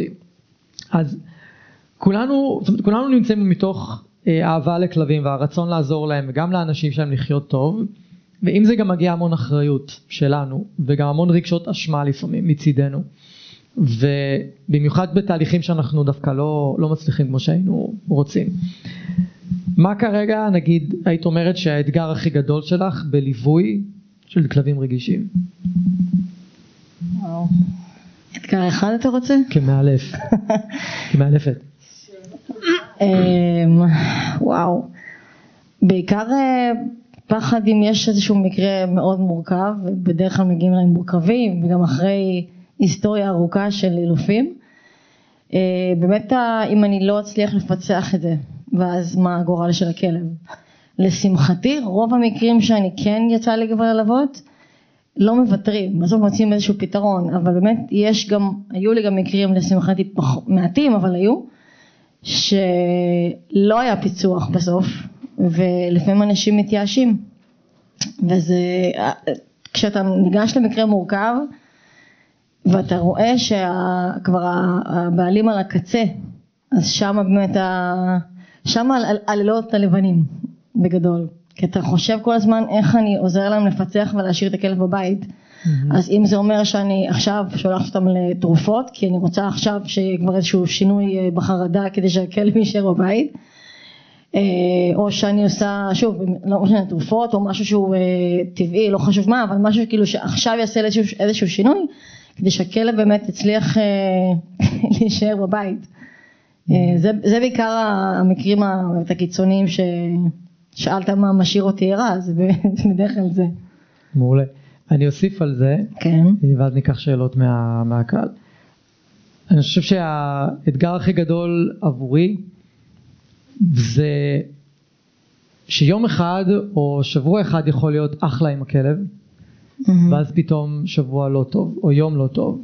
יכול להיות ערב טוב עם הכלב, ואנחנו נקבל הודעות של באמת הכל סבבה, והיה ערב יותר מוצלח, ואז זה יכול אחריו להיות כמה ימים לא טובים. ולנו, לפחות לי, זה מאוד קשה המון פעמים. ואני כל הזמן צריך לגייס את, ה, את הכוחות כדי להיות שם בשביל האנשים שאנחנו מלווים. אנחנו לא, לא יכולים להיות מנותקים. אמרתי את זה מקודם ואני מאוד מאמין בזה. אם יש לי כלב רגיש בבית, או כלב שהיה לי אתגר מאוד גדול להתמודד איתו בבית, יהיה לי הרבה יותר קל לשים את עצמי בנעליים של האנשים שאני מלווה, ואז לעזור להם מהמקום הזה. ואז גם, כמו שמני אמר, לא, לא להיבהל מה, מהתנודות האלה. זאת אומרת, להבין שזה חלק מהחיים, ולהבין שתהיה תקופה טובה, תהיה תקופה פחות טובה, כאילו שככה זה עם כלב. וזה, וזה ככה עם כל דבר גם בחיים שלנו. אז אני רוצה להגיד. לך שאת זה למדתי ממש טוב אה, ממוקה, ואחרי התהליך איתך היה לנו ירח דבש, ממש ירח דבש, הגעתי למצב שהבנתי שהכלבה יכולה לישון איתי במיטה, ואמרתי יש, סוף סוף יכולה לישון במיטה, זה היה מרגש נורא, ואז היה איזושהי הפסקה באילוף, ואז התחלתי לעבוד עם מני, ויום אחד באמצע הלילה הכלבה אה, פה, שנייה דופקת לי ביס, לי הכל בגלל. מני, מה? לא, זה היה, היה שלב לפני שמני הגיע, וכשמני הגיע היו עוד פעמיים, כן, ואז הבנתי שכאילו טעיתי, כי אומנם ירח דבש, אבל זה לא שפתאום הכלבה הפכה ללברדור בלילה אחד, ובגלל הניסיון הזה זה כאילו איזה זיכרון שכנראה אני לא אשכח, ומאז כשיש לי תהליכים מורכבים שאני יודעת שהם הולכים לראות את הרגרסיות האלה, אני אומרת מראש, כן. גם אם עכשיו שבוע הכלב סבבה, אתם לא משנים כלום, עדיין מודיעים לו שעוברים, כן. כאלה, אין, אין שינוי בדבר הזה. אני מכינה אותם בדיוק, כי אני יודעת אה, מעצמי שזה יכול לקרות, אז אני מראש עושה כאילו הכנה מאוד טובה, אפילו ברמה של אל תצפו למשהו טוב. כרגע מבחינתי אין טוב, כרגע אתם מתנהלים, לא משנה מה קורה. כן, אם ניקח את המסר הזה, זה שפשוט את כל הימים הטובים, את כל השעות הטובות, הדקות הטובות, פשוט להישען עליהם כמה שיותר, ולא, באמת לא להיות באיזושהי ציפייה שזה תמיד ימשיך ככה. זה כן יכול להיות לא באיזשהו להיות שלב. שאנן פשוט, לא עכשיו. שפתאום הכלב הוא זה. אני חייבת לסיים בנימה אופטימית, כאילו רבאק אנחנו, אני רואה פה את הפרצופים של אלה שיש להם קשה, והם יושבים כזה. חבר'ה, רק שתדעו, פיבי מקבלת אורחים. מקבלת את החברים של הילדים, אה, וגם כשהם באים בהפתעה. אה, ומוקה הכניסה בן זוג אה, של אלה לחיים שלה, ומאוד אוהבת אותו ממה ששמעתי. ואינדיה אב טכנאים זה, הזיה, אבל הכלב היה פלופ. יש מצב ששוב, זה לא הלברדור, אבל מגיעים הרבה פעמים למצב שאפשר לנשום ומבינים את הכלב ויש את הכלים להתמודד עם רגרסיה ומה שהיה לפני חודש זה לא מה שקורה עכשיו ונהיה יותר טוב והכל בסדר. פשוט תיפלו על האנשים הנכונים שיעזרו ויחזיקו אתכם ויוציאו אתכם מהברוך הזה ויזכירו לכם את זה עם שתי כאפות לפעמים ש, שיהיה בסדר וגם אם הם מוסרים זה, זה גם קורה וזה לגיטימי והכל טוב. אני פשוט ממש חשוב לי להדגיש את זה? כי אנחנו חיים עם כלבים מאוד מאוד מורכבים ואנחנו רואים כל כך הרבה כלבים מורכבים ולפעמים אני באה ללקוח ואני אומרת לו אה, לא הכי תוקפני שראיתי ונעלבים ממני. ואני כאילו באה בקטע של להגיד לא לא זה, זה הולך להיות כיף אנחנו נהנה בתהליך אז, אז זה ממש חשוב לי להדגיש את זה כאילו שאם לוקחים את זה בשתי ידיים ונופלים על מאלפים נורמליים אז כאילו זה, זה אפשרי לפעמים. אני לא יודעת, אני, אני מקטינה את עצמי. אה, זהו, סליחה, הייתי חייבת כאילו לסגור את זה בדבר טוב. אני אוסיף משהו רק על הש- על השאלה הראשונה, אם שאלת את אלה, על התפקיד של המאלף. מניח שחלק גדול מהאנשים פה עבדו עם מאלפים או שעובדים. התפקיד של מאלף, אני לא יודע כמה אנשים מודעים לזה, הוא תפקיד מאוד סוליסטי.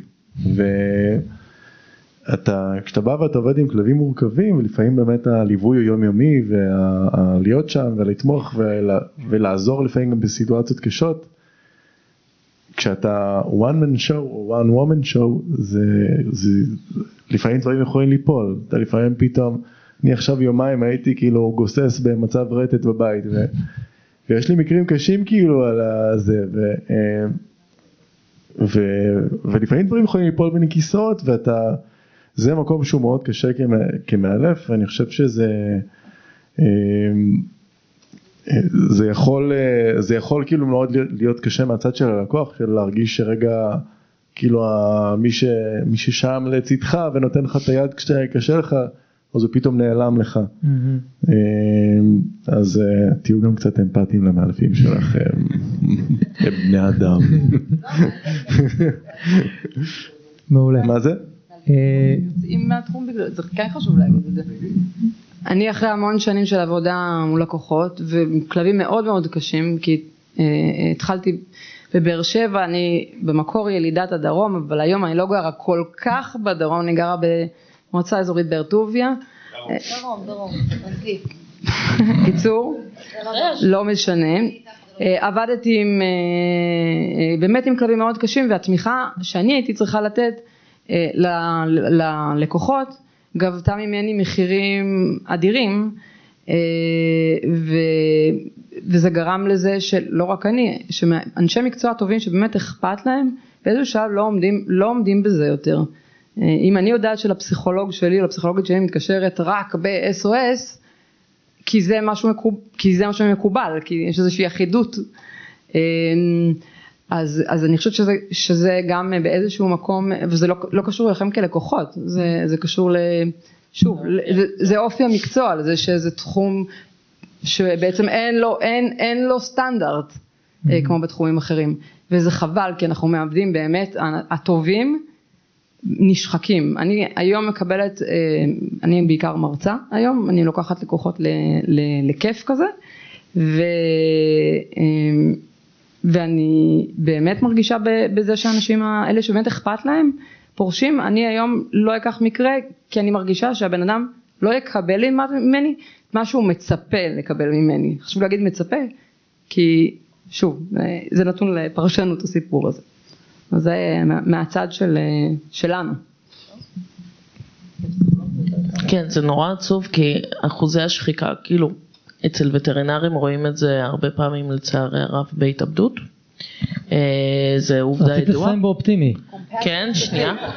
אה, אה. הכלבים יהיו בסדר, אנחנו מדברים על בני אדם, זה לא כמו הסרט שיש שם כלב, האם הכלב ימות, אני לא רואה את הסרט. מדברים עכשיו על בני אדם. אז אנשי מקצוע, פרישה מאוד גבוהה, כאילו גדולה של מאלפים, טובים. גם כאן אתם רואים חבר'ה שהם כאילו דינוזאורים, ואני מפחדת להגיד כאילו היום שחלק מהם יפרשו והוא לא כזה רחוק. אה, בעצם זה מה שאומר שיש תחלופה מאוד גבוהה של מאלפים שלא מגיעים לרמות מאוד גבוהות של הכשרה. והם פורשים, כלומר אנחנו רואים הרבה פעמים חבר'ה צעירים עם פוטנציאל והשוק בסופו של דבר כאילו הם נפלטים. אה, שזה זה אחד האתגרים היותר גדולים שלנו כאילו כי אנחנו לפעמים מכשירים אנשים ואחרי שנה שנתיים הם כבר לא, לא, לא. הם הולכים למקום אחר. בהייטק, אם הייטק יקבל אותם, אמ, אז, אז אמ, באמת כאילו אם אתם, אם יש לכם לובי בכנסת, מה שאנחנו כאילו תכלס צריכים, אם אתם מכירים אנשים שכאילו רוצים ללמוד, אז באמת לעודד אותם לבוא ללמוד, גם אם זה לא המקצוע העיקרי שלהם, אבל אה, גם לחזק את כל המאלפים היותר צעירים, שלפעמים נהיה יותר טוב ואפשר לבחור לקוחות. ואפשר לבחור את הקייסים ולא להתאבד על כל דבר. ותיאום ציפיות ולקבל כאילו תמיכה ממאלפים יותר מבוגרים שכאילו לנו אין מה להפסיד כאילו אנחנו יכולים לתמוך בכם גם. אה, זהו זה, זה כן דילמה שחשוב לשתף כי אני לא חושבת שאף אחד מכיר את זה תכלס כאילו. לא, נראה לי, נראה לי זה נושא, נושא לפרק, בדיוק, מעולה, יופי. תודה רבה, תודה רבה, תנו להם כפיים. אני רוצה להגיד לכם שוב, תודה רבה שהאזנתם. אם אהבתם ואם נהניתם, אז שתפו חברים, שתפו מכרים, בעלי כלבים, תעזרו לי להפיץ את הפודקאסט הזה, אני מאוד מאוד אשמח. ותעשו פולו, כדי שהאפליקציה האהובה שלכם תודיע לכם. יום שישי היום, יש עוד פרק בפודקאסט מחשבות של כלב, ואני אפתיע אתכם עם נושא חדש ופרק חדש. אז אני מקווה שנהניתם היום, היה לי מאוד כיף לארח אתכם. אנחנו נתראה עוד שבוע, תהיו טובים לכלבים שלכם, תהיו טובים לעצמכם, ושיהיה לכם אחלה של סוף שבוע.